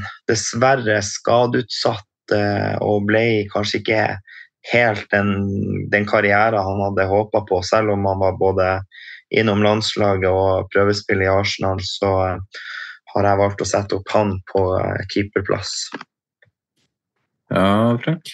Jeg har òg gått for en person fra Tromsø her uh, Guro Pettersen. Ja. Det, det... Du sa, sa, du at jeg ikke kunne ha med damer, eller? Nei, jeg sa ikke det. Nei, den, den er spenstig, den. Jeg skulle ønske jeg har hatt noe å tilføye, men jeg har sett veldig lite damefotball. Nei da, men jeg kan, jeg kan, på en måte være enig med han Morten i at uh, Knut Borch tar denne plassen. For uh, eneste alternativet, nordnorske alternativet fra Glimt var jo Tor Egil Horn. Uh, og han, selv om han var innom landslaget nå, så var det nå så som så hvor god han var. Jeg tenker jo at vi bør ha spillere i, i deres prime. Så Horn har sikkert hatt et par dårlige år, men hvis han har hatt et kjempeår, så kan vi jo ta det. Og i min hukommelse, da var jeg 13 år, men i 2003, når Glimt kom på andreplass og uh, Tapt cupfinalen mot Rosenborg, den sesongen var jo han relativt god. Ja da, det er, jo, det er, jo, den sesongen jeg husker han fra også. Han sto jo flere sesonger, selvfølgelig, men han ble jo veldig skadeutsatt. og selvfølgelig Når han får landslagsuttaket, så blir han jo også skadd. Fun fact, han ble tatt ut mens han var skada. Gikk på krykka faktisk i eh, Nå er det hukommelsen min igjen, da, men jeg lurer på om det var første landslagstroppen til eh, Åge Hareide i 2004, når eh, de skulle på denne Asia-turneen. Eh, så ble han tatt ut, minnes jeg. Men for de som ikke har, er kjent med Knut Borch, så er han jo på mitt lag. Han var en keeper jeg hadde veldig stor sans for. Han hadde deriblant vært på prøvespill i Arsenal. Han ble òg tatt ut av landslaget, fikk én kamp i 2005. Og um, han var faktisk en keeper jeg ønska meg til Rosenborg på den uh, tida der. En keeper jeg hadde stor sans for, så Knut Borch har jeg òg på lista med. Så hvis ikke du har noen sterke innvendinger, Frank, så setter vi opp han med. Ja, nei da, vi landa på Borch. Ja. Uh, har, vi, har, dere satt opp i noen formasjon, egentlig? Eller har dere bare skrevet ned mange jeg spillere? En, eh, jeg har en 3-5-2-formasjon, litt fordi at jeg syns det var veldig mange gode midtbanespillere fra begge, begge klubbene, egentlig, som, som, tvingte meg litt til det. Jeg har, jeg har 4-3-3, men jeg kan jo også være tilbøyelig til å vende over på en 4-4-2. Det, det, kan skape litt uh, diskusjon om det her, så det er bare bra. Jeg har satt opp i 4-3-3, men jeg ser òg fordeler med å ha tre midtstoppere på mitt lag. I hvert fall. Så, men vi skal finne fram til et uh, felles lag, så kan jo begynne med det Skal vi ta de posisjonene som kanskje er litt klink, da? Og så kan vi jo se hvor uh, det her går hen. Um, Høyreback, det er vel ikke så mange som konkurrerer om, er det det, Morten? Nei, der tipper vi alle tre kanskje er enige. Det er jo en, eh, en hedersmann som har vært innom både Glimt og TIL og har eh, sportslig vært bra, men også representert eh, Norge på et, eh, en veldig god måte. Der har jeg skrevet opp eh, selveste Tom Høgli. Jeg har også med Tom Høgli, men jeg har eh, to kandidater. Uh, ene er Ole Haldorsen, uh, gamle Glimt-kaptein. Uh, og så har jeg en som jeg tror vi kommer til å snakke om om ti år. Markus Holmgren Pedersen. Ja, der sier du noe, ja. Han tenkte jeg faktisk ikke på. Men, men, for laget i dag så kan jeg godt lande på Tom Høgli, selv om vi kaller han for Sviker-Tom her i byen. Jeg har uh, Tom Høgli på lista mi, men når du nevnte Markus Holmgren Pedersen nå, så ble jeg jaggu litt usikker. For uh, hans toppnivå, både på landslaget og det han har levert i Nederland, det um, Vi kan ikke la oss bli blenda av at Tom Høgli er en jævlig hyggelig fyr heller. Vi, vi, vi, vi, må ikke glemme at Tom Høgli, når han tok av seg shortsen etter å ha møtt Portugal, så måtte han plukke ut han Ronaldo ut av lomma. Ja, og så eh, må jeg bare skyte inn Tom Høgli var jo en ekstremt viktig spiller for eh, Ståle Solbakkens eh, København. København. Var veldig god der og var vel i Belgia òg en tur. og Egentlig vært solid uh, uansett hvor han var. Han var jo um, god i ti lån når han var her under Høgmo og kom dessverre tilbake litt for seint når han skal avslutte karrieren, men har hatt både på landslag og i klubb karriere en, eh, en veldig fin karriere. Han var aldri best, men han var aldri dårligst heller. Spilte alltid til seks og syv på børsen. Um, men da virker det som at vi går for Tom Høgli, da, men en sterk Holmgren Pedersen uh, som nummer to. Um, lyst til å bevege meg over til venstrebacken. Hvem er det du har der, Frank? Uh, trenger du å spørre? Nei, hvem har du der, Morten? Jeg tror jeg har det eh, samme som han eh, Frank. Fredrik, Fredrik André Bjørkan. Alternativet yes. mitt var Andreas Evjen, men uh, han er forbisprunget av han Bjørkan. Ja, Bjørkan er på min liste òg. Jeg mener jo egentlig at han kanskje er den beste venstrebacken i Eliteseriens historie, i konkurranse med noe gammelt fra Rosenborg sikkert, som jeg ikke tar i farta. Men uh, Fredrik Bjørkan i 2020 og 2021. Det er høyt, høyt nivå. Så kommer vi over til stopperplass. Du har jo tre stoppere. Frank er fleksibel. Jeg har to, men jeg har ikke bestemt meg for uh, hvem, av de to, for uh, jeg har tre stykker på den lista, egentlig. Jeg har seks. Du har seks? Ok. Få høre da, Frank. Tom Kåre Staurvik kan også spille anker. Trond Solli. Roger Nilsen, Steinar Nilsen, Cato Hansen og Tore Reginiussen. Mm. Um, Tom Kåre Staurvik han bød litt inni seg hver gang han måtte spille stopper. Han, mm. han hata det, og likevel så sa han Eggen, det her du er best. Mm. Hvem har du, Morten?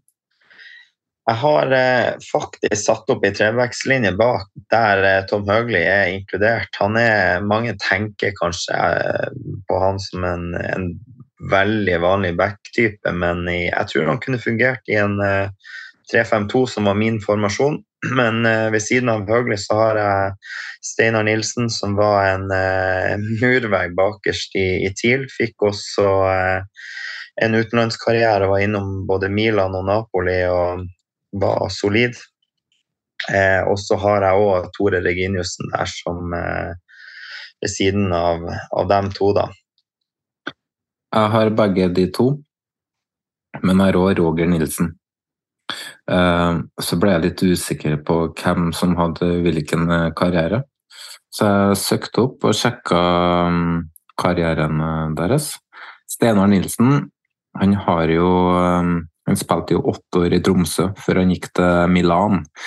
Der fikk han bare fem kamper, og så gikk han til Napoli hvor han fikk 53.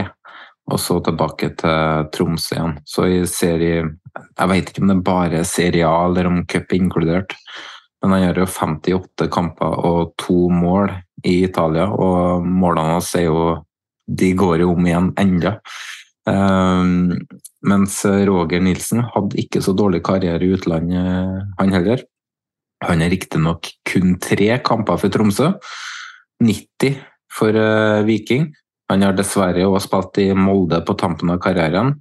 Men innimellom der så har han ti kamper Han er uaktuell, da. Ja, han har ti kamper for Köln, og så har han 166 for Sheffield United mellom 93 og 99.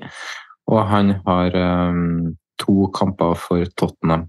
Han har 32 landslagskamper mot Steinar Nilsens to. Og begge var aktive på samme tid. Så spørsmålet hvorfor Roger ble foretrukket foran Steinar. Så jeg ble veldig usikker på de to der, faktisk. Og så har jeg jo Tore Reginussen.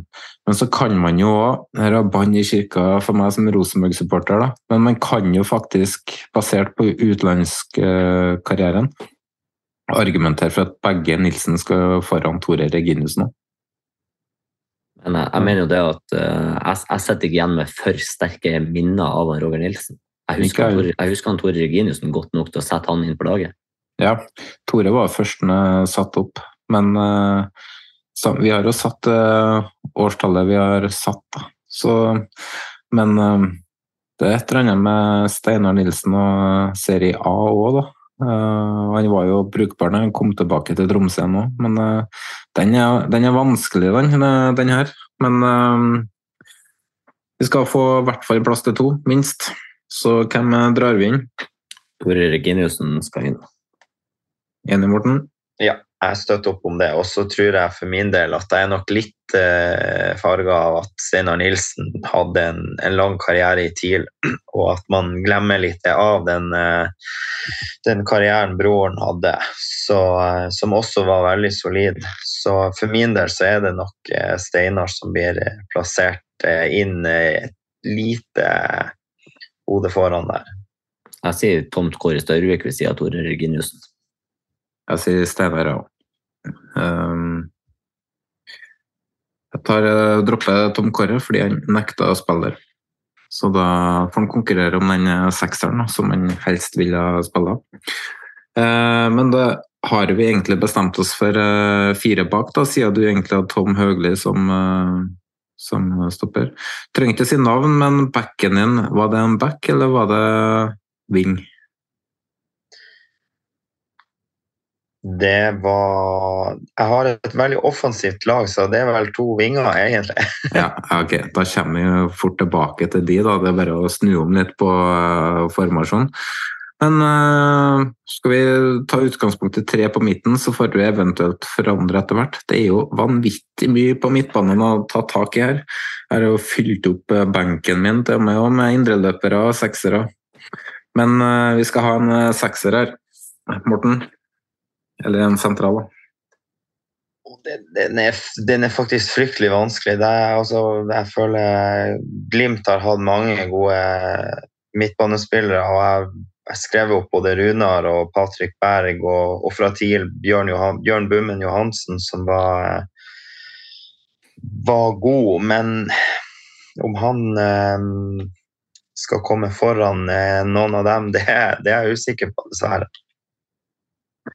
Har du noen navn, Frank? Eh, på ankeret, hvis det er sekseren vi skal ha nå, så har jeg Patrick Berg som eh, nummer én.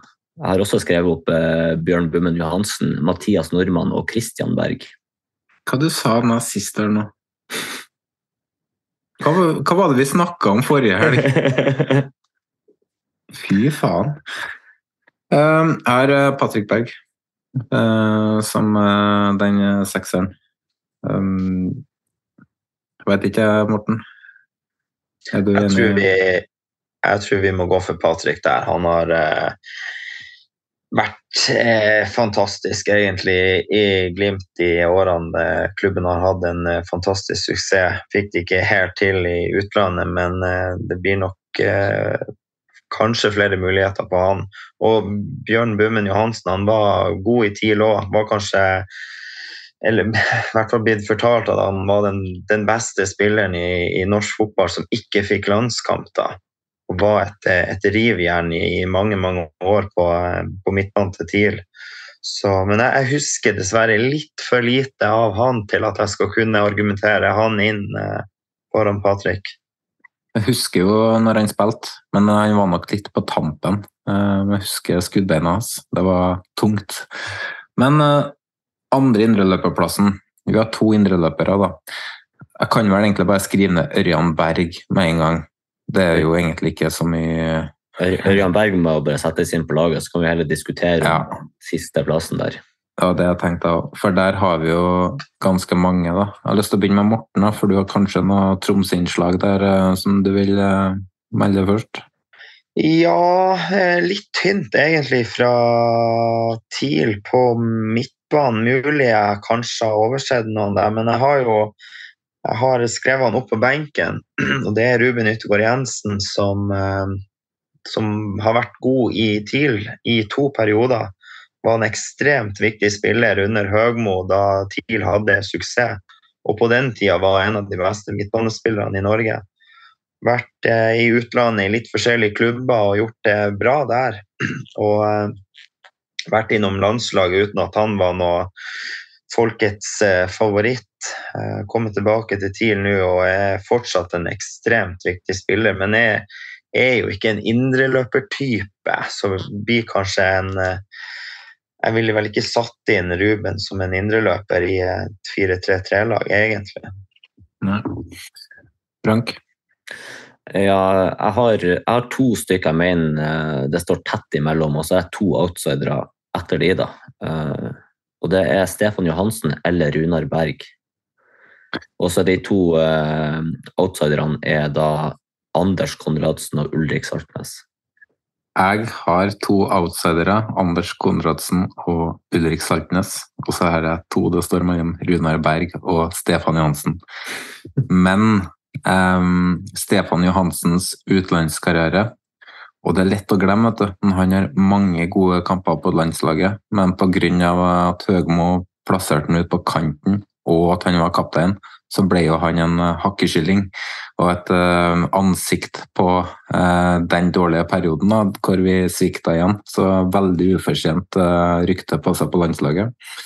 Men han har jo levert meget godt i championship. Eh, både for Fulham var viktig i, eh, når de rykka opp, um, og mista egentlig plassen når de sikra det opprykket og de henta 69 spillere en august der. Og så har han, han er kaptein i Queens Park Rangers nå. Og han var en av de beste spillerne når han var i Skottland for Celtic. Runar Berg, ja, hadde jo en uh, kort karriere i Venezia, uten at det gikk all verden. Var utrolig god i Rosenborg. Men uh, det er jo Ørjan vi husker kanskje best. Men det er veldig mange fra Rosenborg-tida som mener at han er svært undersnakka i Rosenborg sin historie. Og så er det jo ikke at Runar Berg var enorm, men det var i han var god, for all del, men var ikke enorm sesong etter sesong. Men det var det at han klarte å holde et så høyt nivå i så mange år, så mener jeg at toppnivået til Stefan Johansen er litt foran med tanke på hva han har gjort i utlandet. Det er i hvert fall min mening. Ja, altså jeg, jeg skiller ikke mellom de to, så jeg kan godt la Morten få lov til å bestemme.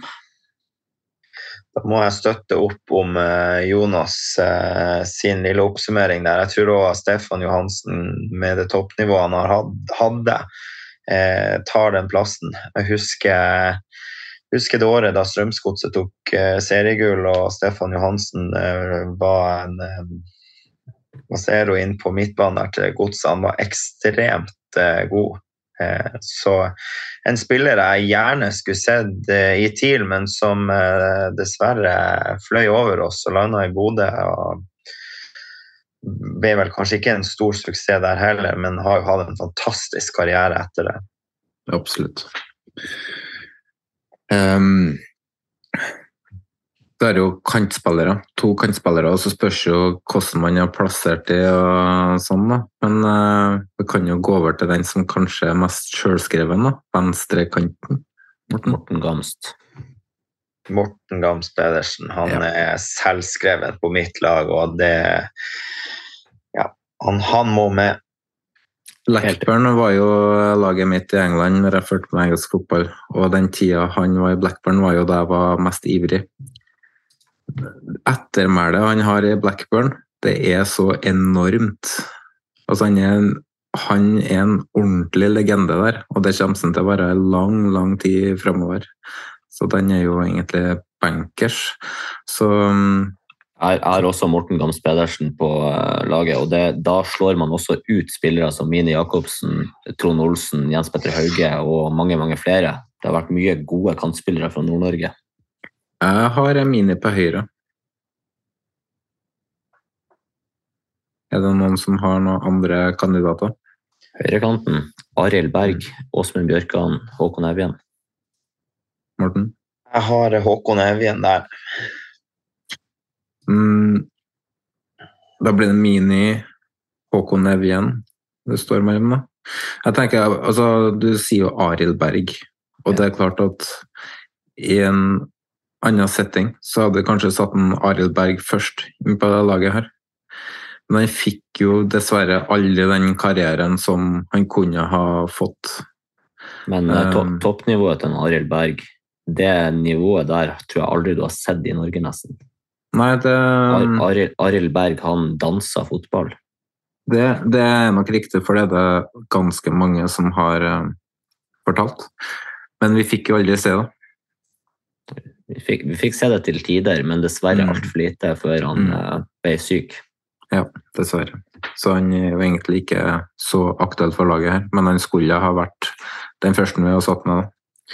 Men uh, jeg satte jo Mini på høyre, fordi for meg handler det egentlig bare om å få plass til um, ja, jeg, jeg, kan, jeg, kan, jeg, kan, støtte det, altså. Mini og Rosenborg-tida på 90-tallet, det det, det, overgår de andre her, egentlig. Håkon Evjen han, han, er en gutt jeg håper kan få lov til å utvikle seg videre. Det har stoppa litt opp, men en ny, en ny, vår i Danmark, forhåpentligvis. Det med Mini, at han øh, var jo ikke en sånn På slutten av karrieren, det var ikke at han var sånn ekstrem, men han var sånn vanvittig god på timing, forståelse. Uh, jeg husker ikke Han var ikke så fryktelig gammel når han la opp heller. Men han var jo et par og 30 når han tok det overstegsvintene eh, mot Real Madrid og la inn på huet til, den en eh, Strand. Men eh, det han opplevde i Champions League, da, og um, fikk jo en lang landslagskarriere i tillegg. Men um, Morten, hva tenker du? Er det riktig å ta med Mini på feil side? Han spilte jo på venstre, men Jeg syns vi kan gå for Mini der. Eh, uten at jeg fikk se så mye av han, så har man jo blitt fortalt hvor god han egentlig var. Og klart, han spilte i, i Rosenborg, som var ekstremt god både hjemme i Norge og ute i Europa, og var en viktig spiller der. Så det, og det å kunne bruke en eh, bruke han på galsida som en litt innoverving, det tror jeg kan passe det laget her bra. Én mm. posisjon igjen. Spissen. Frank? Ja, jeg måtte jo ta med én Glimt-spiller bare for å gjøre det, men det her det må vi gi til Tromsø. For det er for meg er det Sigurd Rushfeldt, men det kunne like greit vært Ole Martin Årst eller Rune Lange også, for det er tre fantastisk gode spisser, alle tre. Og så er det jo Stig Johansen jeg har med fra Glimt, da, men uh, det her får han Morten bestemme. Jeg har uh, akkurat uh, de tre alternativene som Frank også har. Det, alle tre var gode spisser, men for meg også er det Sigurd Rushfeldt. Han har målrekorden i norsk fotball som jeg tror aldri kommer til å bli tatt. Var sinnssykt god i TIL, god i Rosenborg, god i de klubbene i utlandet han var i. Åstra Wien. Åstra Wien. Og også en, en målskårer som jeg tror eh, vi aldri blir å se igjen på Alfheim og i TIL-drakt. Han hadde virkelig uh, øye for mål. og Heldigvis eh, stikker han innom ei og anna TIL-trening for å lære bort eh, mange tips og triks. Jeg håper det er en mann vi kan eh, la oss bruke i mange mange år, i hvert fall. Stige Rusfeldt er umulig å komme uh, utenom på, en, uh, på, et sånt lag fra Nord-Norge. Det er nesten, Når jeg setter opp uh, tidenes elleve for Rosenborg, så er han inn, ikke inn på laget, men han er nære. rett bak Jon Carew, så det er klart at Fantastisk karriere. Og 165 mål. 166. Ja. Mange, i hvert fall. Og tidenes toppskårer. Ja. Da har vi egentlig komme fram til laget. Men vi kan jo ta, skal vi sette opp noen på benken nå i samme slengen når vi er i gang her? Skal vi mm, ta syv på benken? Én keeper, to forsvar, to midtbane og to vinger slash spiss? Er det noen som har noe innspill der? Nei, greit. Kjør en, kjør en benk òg. Keeper? Hadde vi noen andre alternativ enn eh, Tor Egil Horn, da, eller? Jeg har Horn på mitt lag, i hvert fall. Må nesten bli det, da. To forsvarere, da. Eh, de som ble nevnt i stad, det var Steinar Nilsen eh, og Morten Holmgren Pedersen. Var ikke Steinar Nilsen på laget? Eller var Roger jo, Roger, Roger Nilsen, mener jeg. Selvfølgelig. Mm. Ja. Er det noen andre midtstoppere han har? Ja, du, du, har jo Morten Pedersen, som var i TIL, Brann Lillestrøm. Han var i utlandet. Uh, fin karriere som kanskje kunne gjort seg på benken. Um, og så har du jo garantert noen midtstoppere fra, fra TIL tidlig 90-tallet som uh, Arne Vidar Moen, han var bergenser? Nei, Arne Vidar Moen har du. Han var jo um, Bent Inge Johnsen. Ja. Bent Inge Johnsen er jo allsidig også, kan brukes i mange posisjoner. Spisskant, midtstopper, back. Spiller overalt. Ja. Det er jo sånn sett Hvis du skal ha syv på en benk, så er det jo greit å ha noen som er litt poteter. Ja, jeg setter i hvert fall opp Holmgren Pedersen. Han var vel ganske nær i stad, ikke sant? Ja. Um, på venstreback så var det vel egentlig ikke noe alternativ? Det var Andreas Evjen, men jeg føler at vi kan ta den med en annen da. Ja. Så stopper, da, den får dere ta. Er vi enige om noen? Da må du jo for, for min del stå mellom enten Roger Nilsen eller Tom Kåre Størvik. Samme her. Kan, vi kan gi den plassen til eh, Tom Kåre. Ja, vi får Tom Kåre. Glad i øl, ikke sant? Jo da, det er vi alle. Ja, da får han den. Um, på midtbanen Jeg kan jo egentlig skrive Runar Berg med en gang. Så må vi ha en til. Og, så mm. kanskje Bjørn Bummen Johansen skal få den. Uh... Jeg, jeg, tror òg vi går for han. Foran Saltnes og Konradsen? Ja, for da har du én defensiv og én indreløper. Mm. Så, så har du dekning i begge plasser. Setter jeg Bummen. Skal ta én kant og én spiss, da. Det er litt vanskelig, for vi har jo både Rune, Rune Lange, Rune, Rune Lange og Ole Martin Årst. Eh, toppnivået til Lange det var jo enormt før skadene tok igjen. Ole Martin Norst hadde jo et vanvittig toppnivå og en mye lengre karriere. Det er i hvert fall spissene. Så må vi se på alternativer på kant, da, om vi skal gå for én kant eller to spisser. Så åssen um, kantalternativer har vi, Frank? Uh, fra meg da, så er det Åsmund Bjørkan, Arild Berg, Håkon Evjen, Jens Petter Hauge og Trond Olsen. Morten? Nei, kantspillere har jeg ikke så fryktelig mange av, så det må kanskje bli noen av Frank sine. Men eh, ikke Trond Olsen, i hvert fall. Gutten fra Lyngen? Dessverre. Han er ikke med på, på det her laget. Det, det nekter jeg.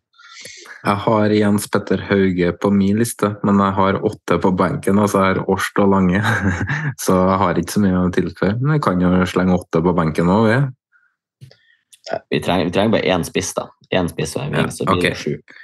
Da blir JP Hauge, da. Og så får, gir vi Morten uh, muligheten til å velge mellom Årst og Lange? Da må jeg velge Ole Martin Årst. Han uh, var den av de to som jeg i hvert fall har uh, sett mest av og har minner fra. Han var, var god i TIL. Uh, ble dessverre solgt til Start og gjorde det bra der. Og man har jo blitt fortalt om Rune Lange sitt toppnivå og hvor god han var. Også det det største salget som TIL har gjort gjennom tidene, ble solgt for over 40 millioner for godt over 20 år siden. Så, eh, det trapp som spor, men fikk ja. dere pengene? Eller var det Lange som ikke fikk lønn? Det var, Nei, det var Lange som ikke fikk lønn. Det, der har det, det han, han, venter vel fortsatt på noen penger. Så jeg tror eh, Ole Martin Aars tar eh, den eh, spissplassen på benken. Den kan støttes, den.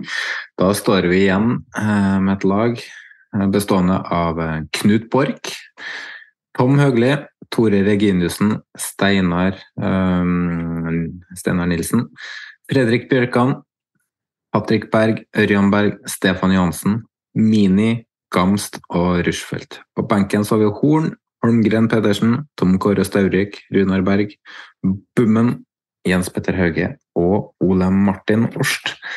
Det laget der det hadde vunnet Eliteserien. Altså, Jeg orker ikke å diskutere om folk tar hverandre opp i ræva, eller hva det er for noe sånt. Hvordan i satan fikk jeg plass til den i ræva? Ukas snakkes. Og eh, Frank, hva er ukas snakkes for deg? Nei, det raster jo plutselig på med pyrodebatt igjen eh, i Bodø etter at eh, Glimt eh, utestengte fire supportere. Eh, alt fra 12 til 20 kamper, og har bøtelagt samtlige med 8000 kroner i tillegg. Nå har det jo eh, vært skrevet mye på Twitter sist, siste, i hvert fall gjennom helga da, om reaksjoner om det her. Da. Så gidder ikke å gå altfor mye inn på det, men uh, som en person som er for pyro, så håper jeg i hvert fall det at uh, klubb og supporterklubb uh, kan få til en bedre dialog der de kan se på løsninger sammen. Det er akkurat sånn som det vi har hørt fra Morten tidligere i episoden. Det er dialog og det å knytte bånd som fører oss videre fremover. Morten, uka snakkes for deg. Uka snakkes for meg. Den går til innsamlingsaksjon for Emil Baron, som eh, TV 2 hadde sak om tidligere i uka, som var en forferdelig trist lesning. Og der har Kanarifansen kasta seg om og oppretta en spleis som, når jeg var inne sist og sjekka, har nådd over én million. Der hele Fotball-Norge og Supporter-Norge har bidratt og samla inn penger. Det det er helt fantastisk, og det er veldig fint, eh, selv om vi er sterke rivaler og har hvert vårt lag som vi holder, holder med, at vi i enkelte eh, kall det kamper eller tilfeller kan stå i lag, og akkurat her så går det til en utrolig flott sak. Eh, absolutt. Det var en eh, første jeg gjorde på morgenen, var vel egentlig å lese den saken her. og eh, Den kjente jeg faktisk, for uh, Baron var et uh, forbilde for meg. Han da jeg var ung, var, var jo sjøl keeper. Og han var jo litt sånn fuck janteloven. Han var litt annerledes, og det likte jeg veldig godt. Og så var han en fantastisk god keeper òg. Så um, jeg hadde jo drømt jo om uh, gul afro en vending der. um, ble heldigvis stoppa, så det ble rød hanekam i stedet. Men nok om det. det var, um, men den første tanken min var jo spleis, og så gikk jeg inn og sjekka, og så så jeg at de allerede hadde satt i gang. Uh, så et intervju i stad med en eller annen, jeg husker ikke hvem det var. men um, de snakka jo om at de skal jo engasjere Eh, ta kontakt med, med ja, Jeg husker ikke hva det var de skulle ta kontakt med en gang, men de skal i hvert fall starte en dialog nå for å finne ut hvordan de skal løse det. og eh, De skal ha Baron opp til, opp eh, til Norge for å se på kamp. De skal um, prøve å få skaffe en, eh, først en leilighet på kort tid, ja, da leie, og eventuelt etter hvert kjøpe for å rett og slett få den på beina igjen. Og så er det jo snakk om å gjøre det der til månedlige betalinger. Da. At ikke han eh, får alt med en gang, for da kan jo forsvinne fort. Så um, utrolig bra løst av Kanarifansen.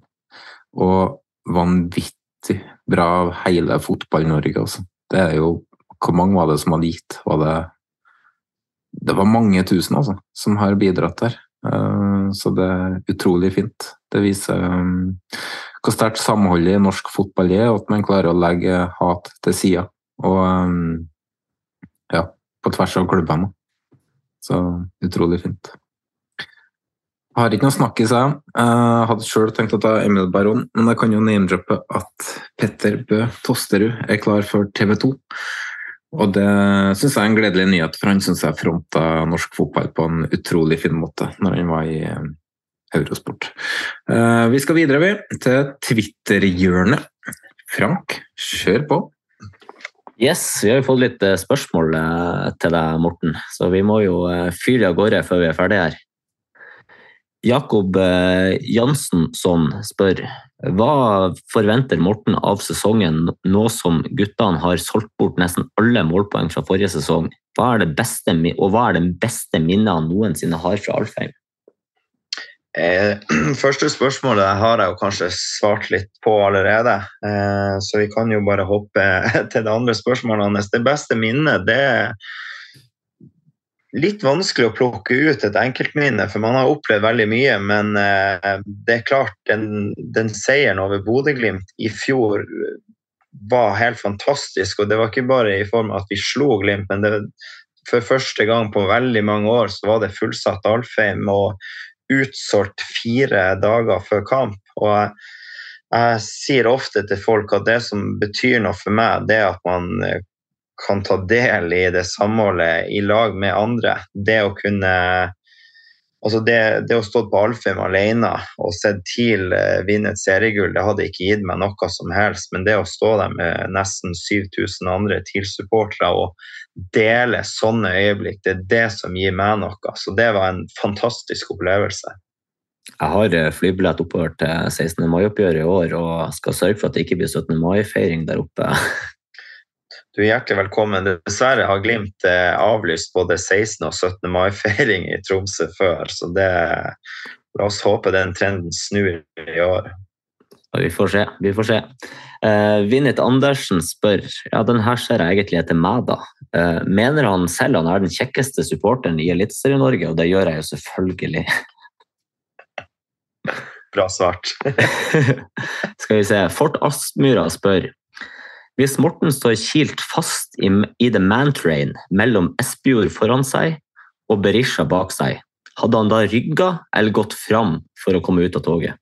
Den der den, den er vanskelig å svare på. Jeg, jeg så spørsmålet komme inn, og jeg har nesten ligget våken og tenkt på, på den, så det, det, er nesten umulig å, å gi et svar på. Du vil ikke, du vil ikke knulle han Espejord i ræva? Nei, det er ikke en drøm, dessverre. Nei, vi kan, vi kan hoppe videre. Eh, TIL i Taka. Har han noen faste rutiner på kampdag for utenom solstudio og gymmen? Noe overtroisk som må gjennomføres for å bedre sjansen til for TIL-seier? Jeg har egentlig ingen sånn faste ting jeg må gjøre. Og jeg har opp gjennom årene prøvd meg på veldig mange sånne rutiner for kamp som jeg tror, har trodd hvert fall har funka, men så har det jo vist seg at det snur ganske fort, dessverre. Så det er de rutinene jeg har, det er nå egentlig det å Jeg er jo med i den gruppa som, som rigger til supporterfeltet før kamp, og vi er et par timer på pub før kamp. og de, de, tingene der, sånn personlig, så er det egentlig ikke noe annet enn å gå og glede seg og grue seg til kamp. Så veldig mange i Supporter-Norge kan egentlig kjenne seg igjen i dine rutiner? Jeg tror vi er mange som har samme rutiner der, ja. ja. Uh, Sylvester spør favoritt bortekamp i året? Nå har jeg jo vært så heldig og fått reist på egentlig mange bortekamper. Fått oppleve flere byer og stadioner, noe som er veldig gøy. Men jeg tror det som betyr noe for meg, det er å kunne reise på de kampene der det er mange TIL-supportere. Og det er vi ofte i Oslo og på Intility. Der er vi fort 300-400-500 bortesupportere. Og det syns jeg er jævla skøy, å være en stor gjeng som som drar på kamp og lager liv. Og så er det alltid gøy å både dra til Åråsen og Marienlyst og uh, har vært på Lerkendal flere ganger, men det er tap hver jævla gang, så det er jeg ferdig med. Så det, det er i hvert fall ikke en favoritt. Det er kanskje det verste. Vi har jo et ganske fint supportermiljø nede i Oslo og rundt, rundt, Oslo. Da. Har det blitt vekka til liv et, et sånn engasjement for Tromsø-supportere der nede også? Ja, det er i ferd med å vekkes til liv. Det, vi, vi, har merka en endring nå kanskje de to siste årene. og vi I Forsa har jo hatt fokus på sånne satsingsborteturer der vi kjører full show. og Vi, vi merker jo at eh, den, den, vanlige supporteren setter pris på det. da. Men det er klart at eh, det engasjementet som er blitt vekka eh, til live blant Glimt-supporterne sørpå er jo i, en helt annen dimensjon enn det vi snakker om. Så vi vet jo at eh, de TIL-supporterne finnes jo rundt omkring, men eh, jeg tror det må mer enn en syvendeplass til for at folk skal virkelig tenne på, på alle plugger. Har dere ei, ei gruppe som liksom er forankra der, at det er folk som uh, hva skal jeg si, engasjerer til borteturer, eller er det kun dere som kommer sørover som drar med dere folk? Nå er det kun vi som kommer sørover. Vi har jo tidligere, før korona, hatt Isberget Sør, som egentlig var en ganske solid gjeng som organiserte turer og pub og det ene og det andre, men uh, de har egentlig dødd litt ut, dem òg. Flere av de uh, folkene er jo kommet over til oss, så vi har egentlig et veldig godt samarbeid mellom nord og sør. og uh, organiserer og drar i lag på kamp, så det, det har egentlig gått helt fint. Ja. Eh, Erik Haugvik eh, spør er han virkelig så sterk som unge tunger, onde tunger vil ha det til. Der er det jo den eh, godeste Markus Ravna som er å sette ut noen noe rykter om at uh, undertegnede er så sterk. Og jeg fikk jo ei utfordring fra en, uh, en Henrik, uh, Glimt-supporter på Twitter, om vi skulle ta en håndbakkonkurranse før siste mai-oppgjøret. Og da måtte jeg jo bare avkrefte at jeg er overhodet ikke så sterk som Ravna skal ha det til. Og det er mest bare i oss. Skal, skal vi ikke bare være enige om at Markus er svak? Markus er svak. Jeg skulle gjerne tatt han i, i håndbak, men eh, jeg skal ikke begynne å begi meg ut på andre som kanskje er mye sterkere enn det jeg sjøl er. Martin Olaf spør hva skjedde på Sydøst? Hvorfor sutra dere alltid? Nei, hva som skjedde på Sydøst, vet kanskje Martin Olaf eh, sjøl. Eh, det var jo eh, eller Forsas første bortetur til Bodø. Eh, tilbake til sommeren 2016. Vi kjørte nedover og, og kom til Bodø lørdagskveld. Sjekka inn på Aspmyra, faktisk, i ei leilighet. Og dro jo selvfølgelig ut på byen. Det, vi skulle ha, ha det gøy. Eh, og der eh, troppa jo eh, 1916-guttene opp og skulle lage noe bråk, men eh, det ble jo avverga relativt kjapt. Og før vi visste ordet av det, så satt vi plutselig bak i, i Maja og ble kjørt eh, til Aspmyra. Det var der vi bodde. Så det ble jo en liten artig sak eh, som Avisa Nordland skrev da om at eh, det, det ble kjørt hjem noen TIL-supportere som skulle til Aspmyra. Så det skjedde egentlig ikke så mye inne på, på sydøst. Eh, Det ble en, dessverre en kort uh, tur. Eh, og hvorfor vi sutra, det Jeg vil ikke si vi sutrer så veldig. Det, det er vel bare mer at vi kanskje ikke helt skjønner hvorfor eh, enkelte Glimt-supportere er mer opptatt av oss enn seg sjøl. Det skal de bare fortsette med, for det gang på gang så slår det godt ut på oss og dårlig ut på dem. Så vi har fått, eh, i tillegg til isberget, mye drahjelp fra eh, Glimt-supportere òg, så det, det var gøy. Ja, det var vel en eh, spleis som gikk etter, eller før kampen i fjor høst, der det var noe tifo-ødeleggelse og litt forskjellig, så Ja, det var jo en spleis, og det er for å ta det først, fantastisk gjort av Glimt-supportere. Det er masse oppegående Glimt-supportere som, eh, som jeg, jeg snakker med og blitt kjent med, som nesten bringte inn 20 000 i kassa vår. Så eh, jeg fikk jo nesten litt dårlig samvittighet når jeg så eh, den søppelsekk-tifoen som Glimt dro opp til oppgjøret. at det, var nesten at jeg overførte de pengene eh, sørover der, for det, der var det kanskje andre som hadde mer bruk for dem. Men vi takker for pengene og eh, har brukt dem eh, godt etterpå. Eh, vår venn fra forrige episode, Franco, og eh, også TIL-supporter for så vidt, han spør deg Ramovic eller Hirschfeldt? Nesten så jeg ville svart Ramovic, men jeg har en dårlig opplevelse med han etter han gikk til, til Lillestrøm, så det, det må bli Hirschfeldt for meg. Eh, Bernier eller Kara? Det blir Kara. Han var outstanding og en av de beste vi har hatt i, i TIL-trøya. Secueira eller Kibebe? Det blir Kebebe. Han hadde en liten eh, forkjærlighet for når han var i klubben. Jeg har aldri noen sånn sexy fotballspiller, men gjorde jobben og var bunnsolid. Og nå kommer spørsmålet, har du en røverhistorie tilknyttet en av disse bandittene å dele med?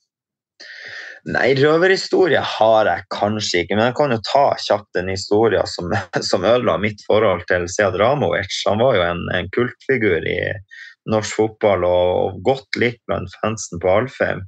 Jeg håper ikke du tar samme historie som uh, fotballagenten kjørt offerfølg. Nei, så, så sjuk er den ikke. Eh, men han eh, Jeg husker ikke om han var i utlandet en tur, men han endte nå i hvert fall oppe i Lillestrøm. Og eh, var på bortetur eh, på Åråsen med TIL. Vi leda 2-0, og det var spilt noen og 60 minutter. Eh, Sead Ramovic står i mål for Lillestrøm, som snur kampen. Skårer fire mål på eh, 15 minutter. Og Sead Ramovic står foran eh, det målet på kortsida der TIL-supporterne er plassert. Og hver gang Lillestrøm eh, skårer, så springer han som en galning som kun Sead Ramovic kan. Eh, ut til midtbanen, foran benken til TIL, juble, avslutte foran oss. Og eh, det var, det var ikke langt unna før jeg var ute på gressmatta på Åråsen der, så det, eh, det ble et ja, en litt sånn trist slutt for meg og Ramovic, dessverre. Eh, Nikolaisen eh, spør går du med turtleneck for å kompensere for manglende forhud. Definitivt. Det Beste spørsmålet som kom inn der. Så det, jeg, jeg måtte faktisk se, jeg, jeg, klarer ikke å huske sist jeg gikk med turtleneck, men jeg så det bildet dere hadde henta frem der, der, der hadde jeg det. Snorre Feldal, eh, vår syke Hva skal vi kalle han, Jonas? Tørrpung. Ja. Han spør er du som meg og foretrekker å pakke blusen inn i rumpa eller ta den ut. Jeg har aldri smugla inn bluss eh, på stadion. Det fine er at jeg har andre som gjør det. Så, eh, så når jeg ber dem gjøre det, så gjør de det. Så det, det der har vi løst ganske fint. Så eh, det er ikke en problemstilling for meg, Snorre.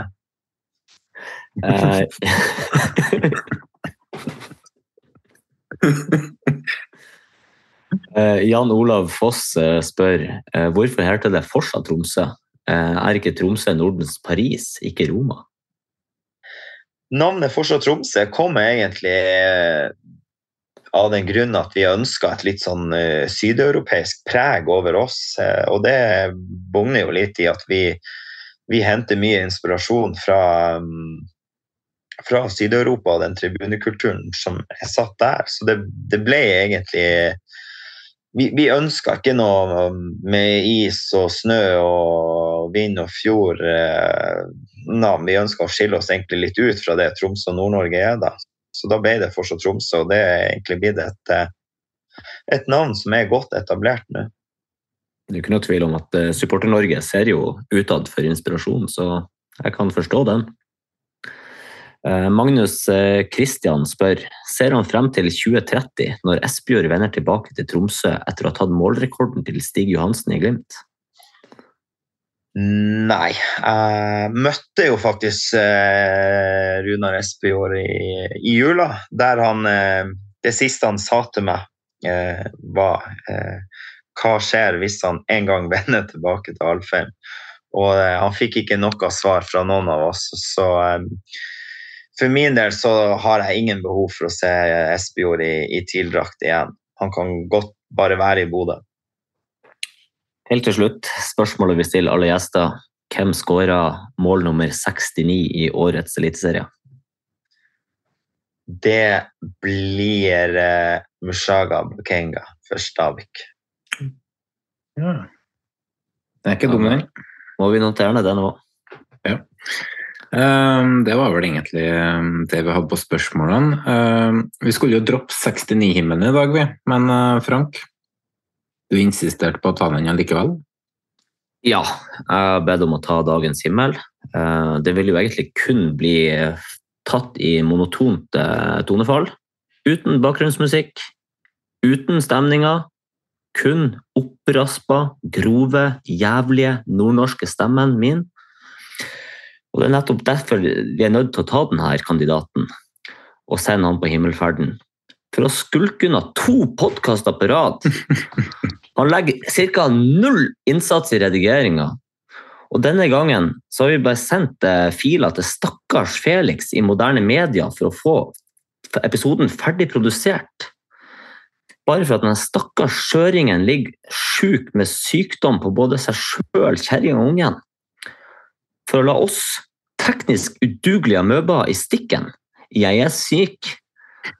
For når du så langt i 2023 har prestert å være syk 69 dager, Snorre Feldal, sender vi deg til himmelen.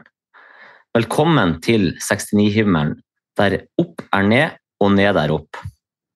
Den nærmeste Snorre har vært 69 eh, i år, i hvert fall. Men uh, vi må få takke gjesten vår, uh, Morten. Det, var, det har vært hyggelig. Veldig hyggelig å være med. Takk for det.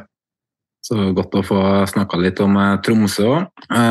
vi må takke bidragsyterne våre, Jesper Horten Skjærnes for jingle og outro til Vestfold Lydstudio for intro og jingler. Jan Erik Balto, eh, som eh, produserer um, alle bildene vi bruker i sosiale medier, og har oppretta merchbutikk for oss i, eh, på t-shirt.no. Og vi har òg Iver Steinsvik å takke for utstyret vi benytter oss.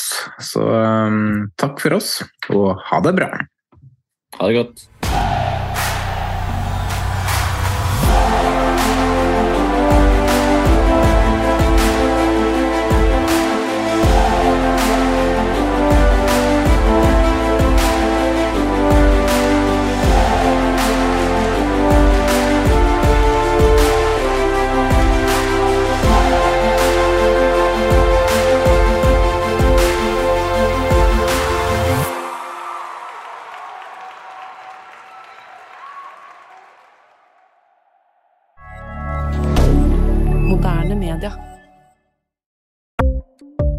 Ukens annonsør er HelloFresh.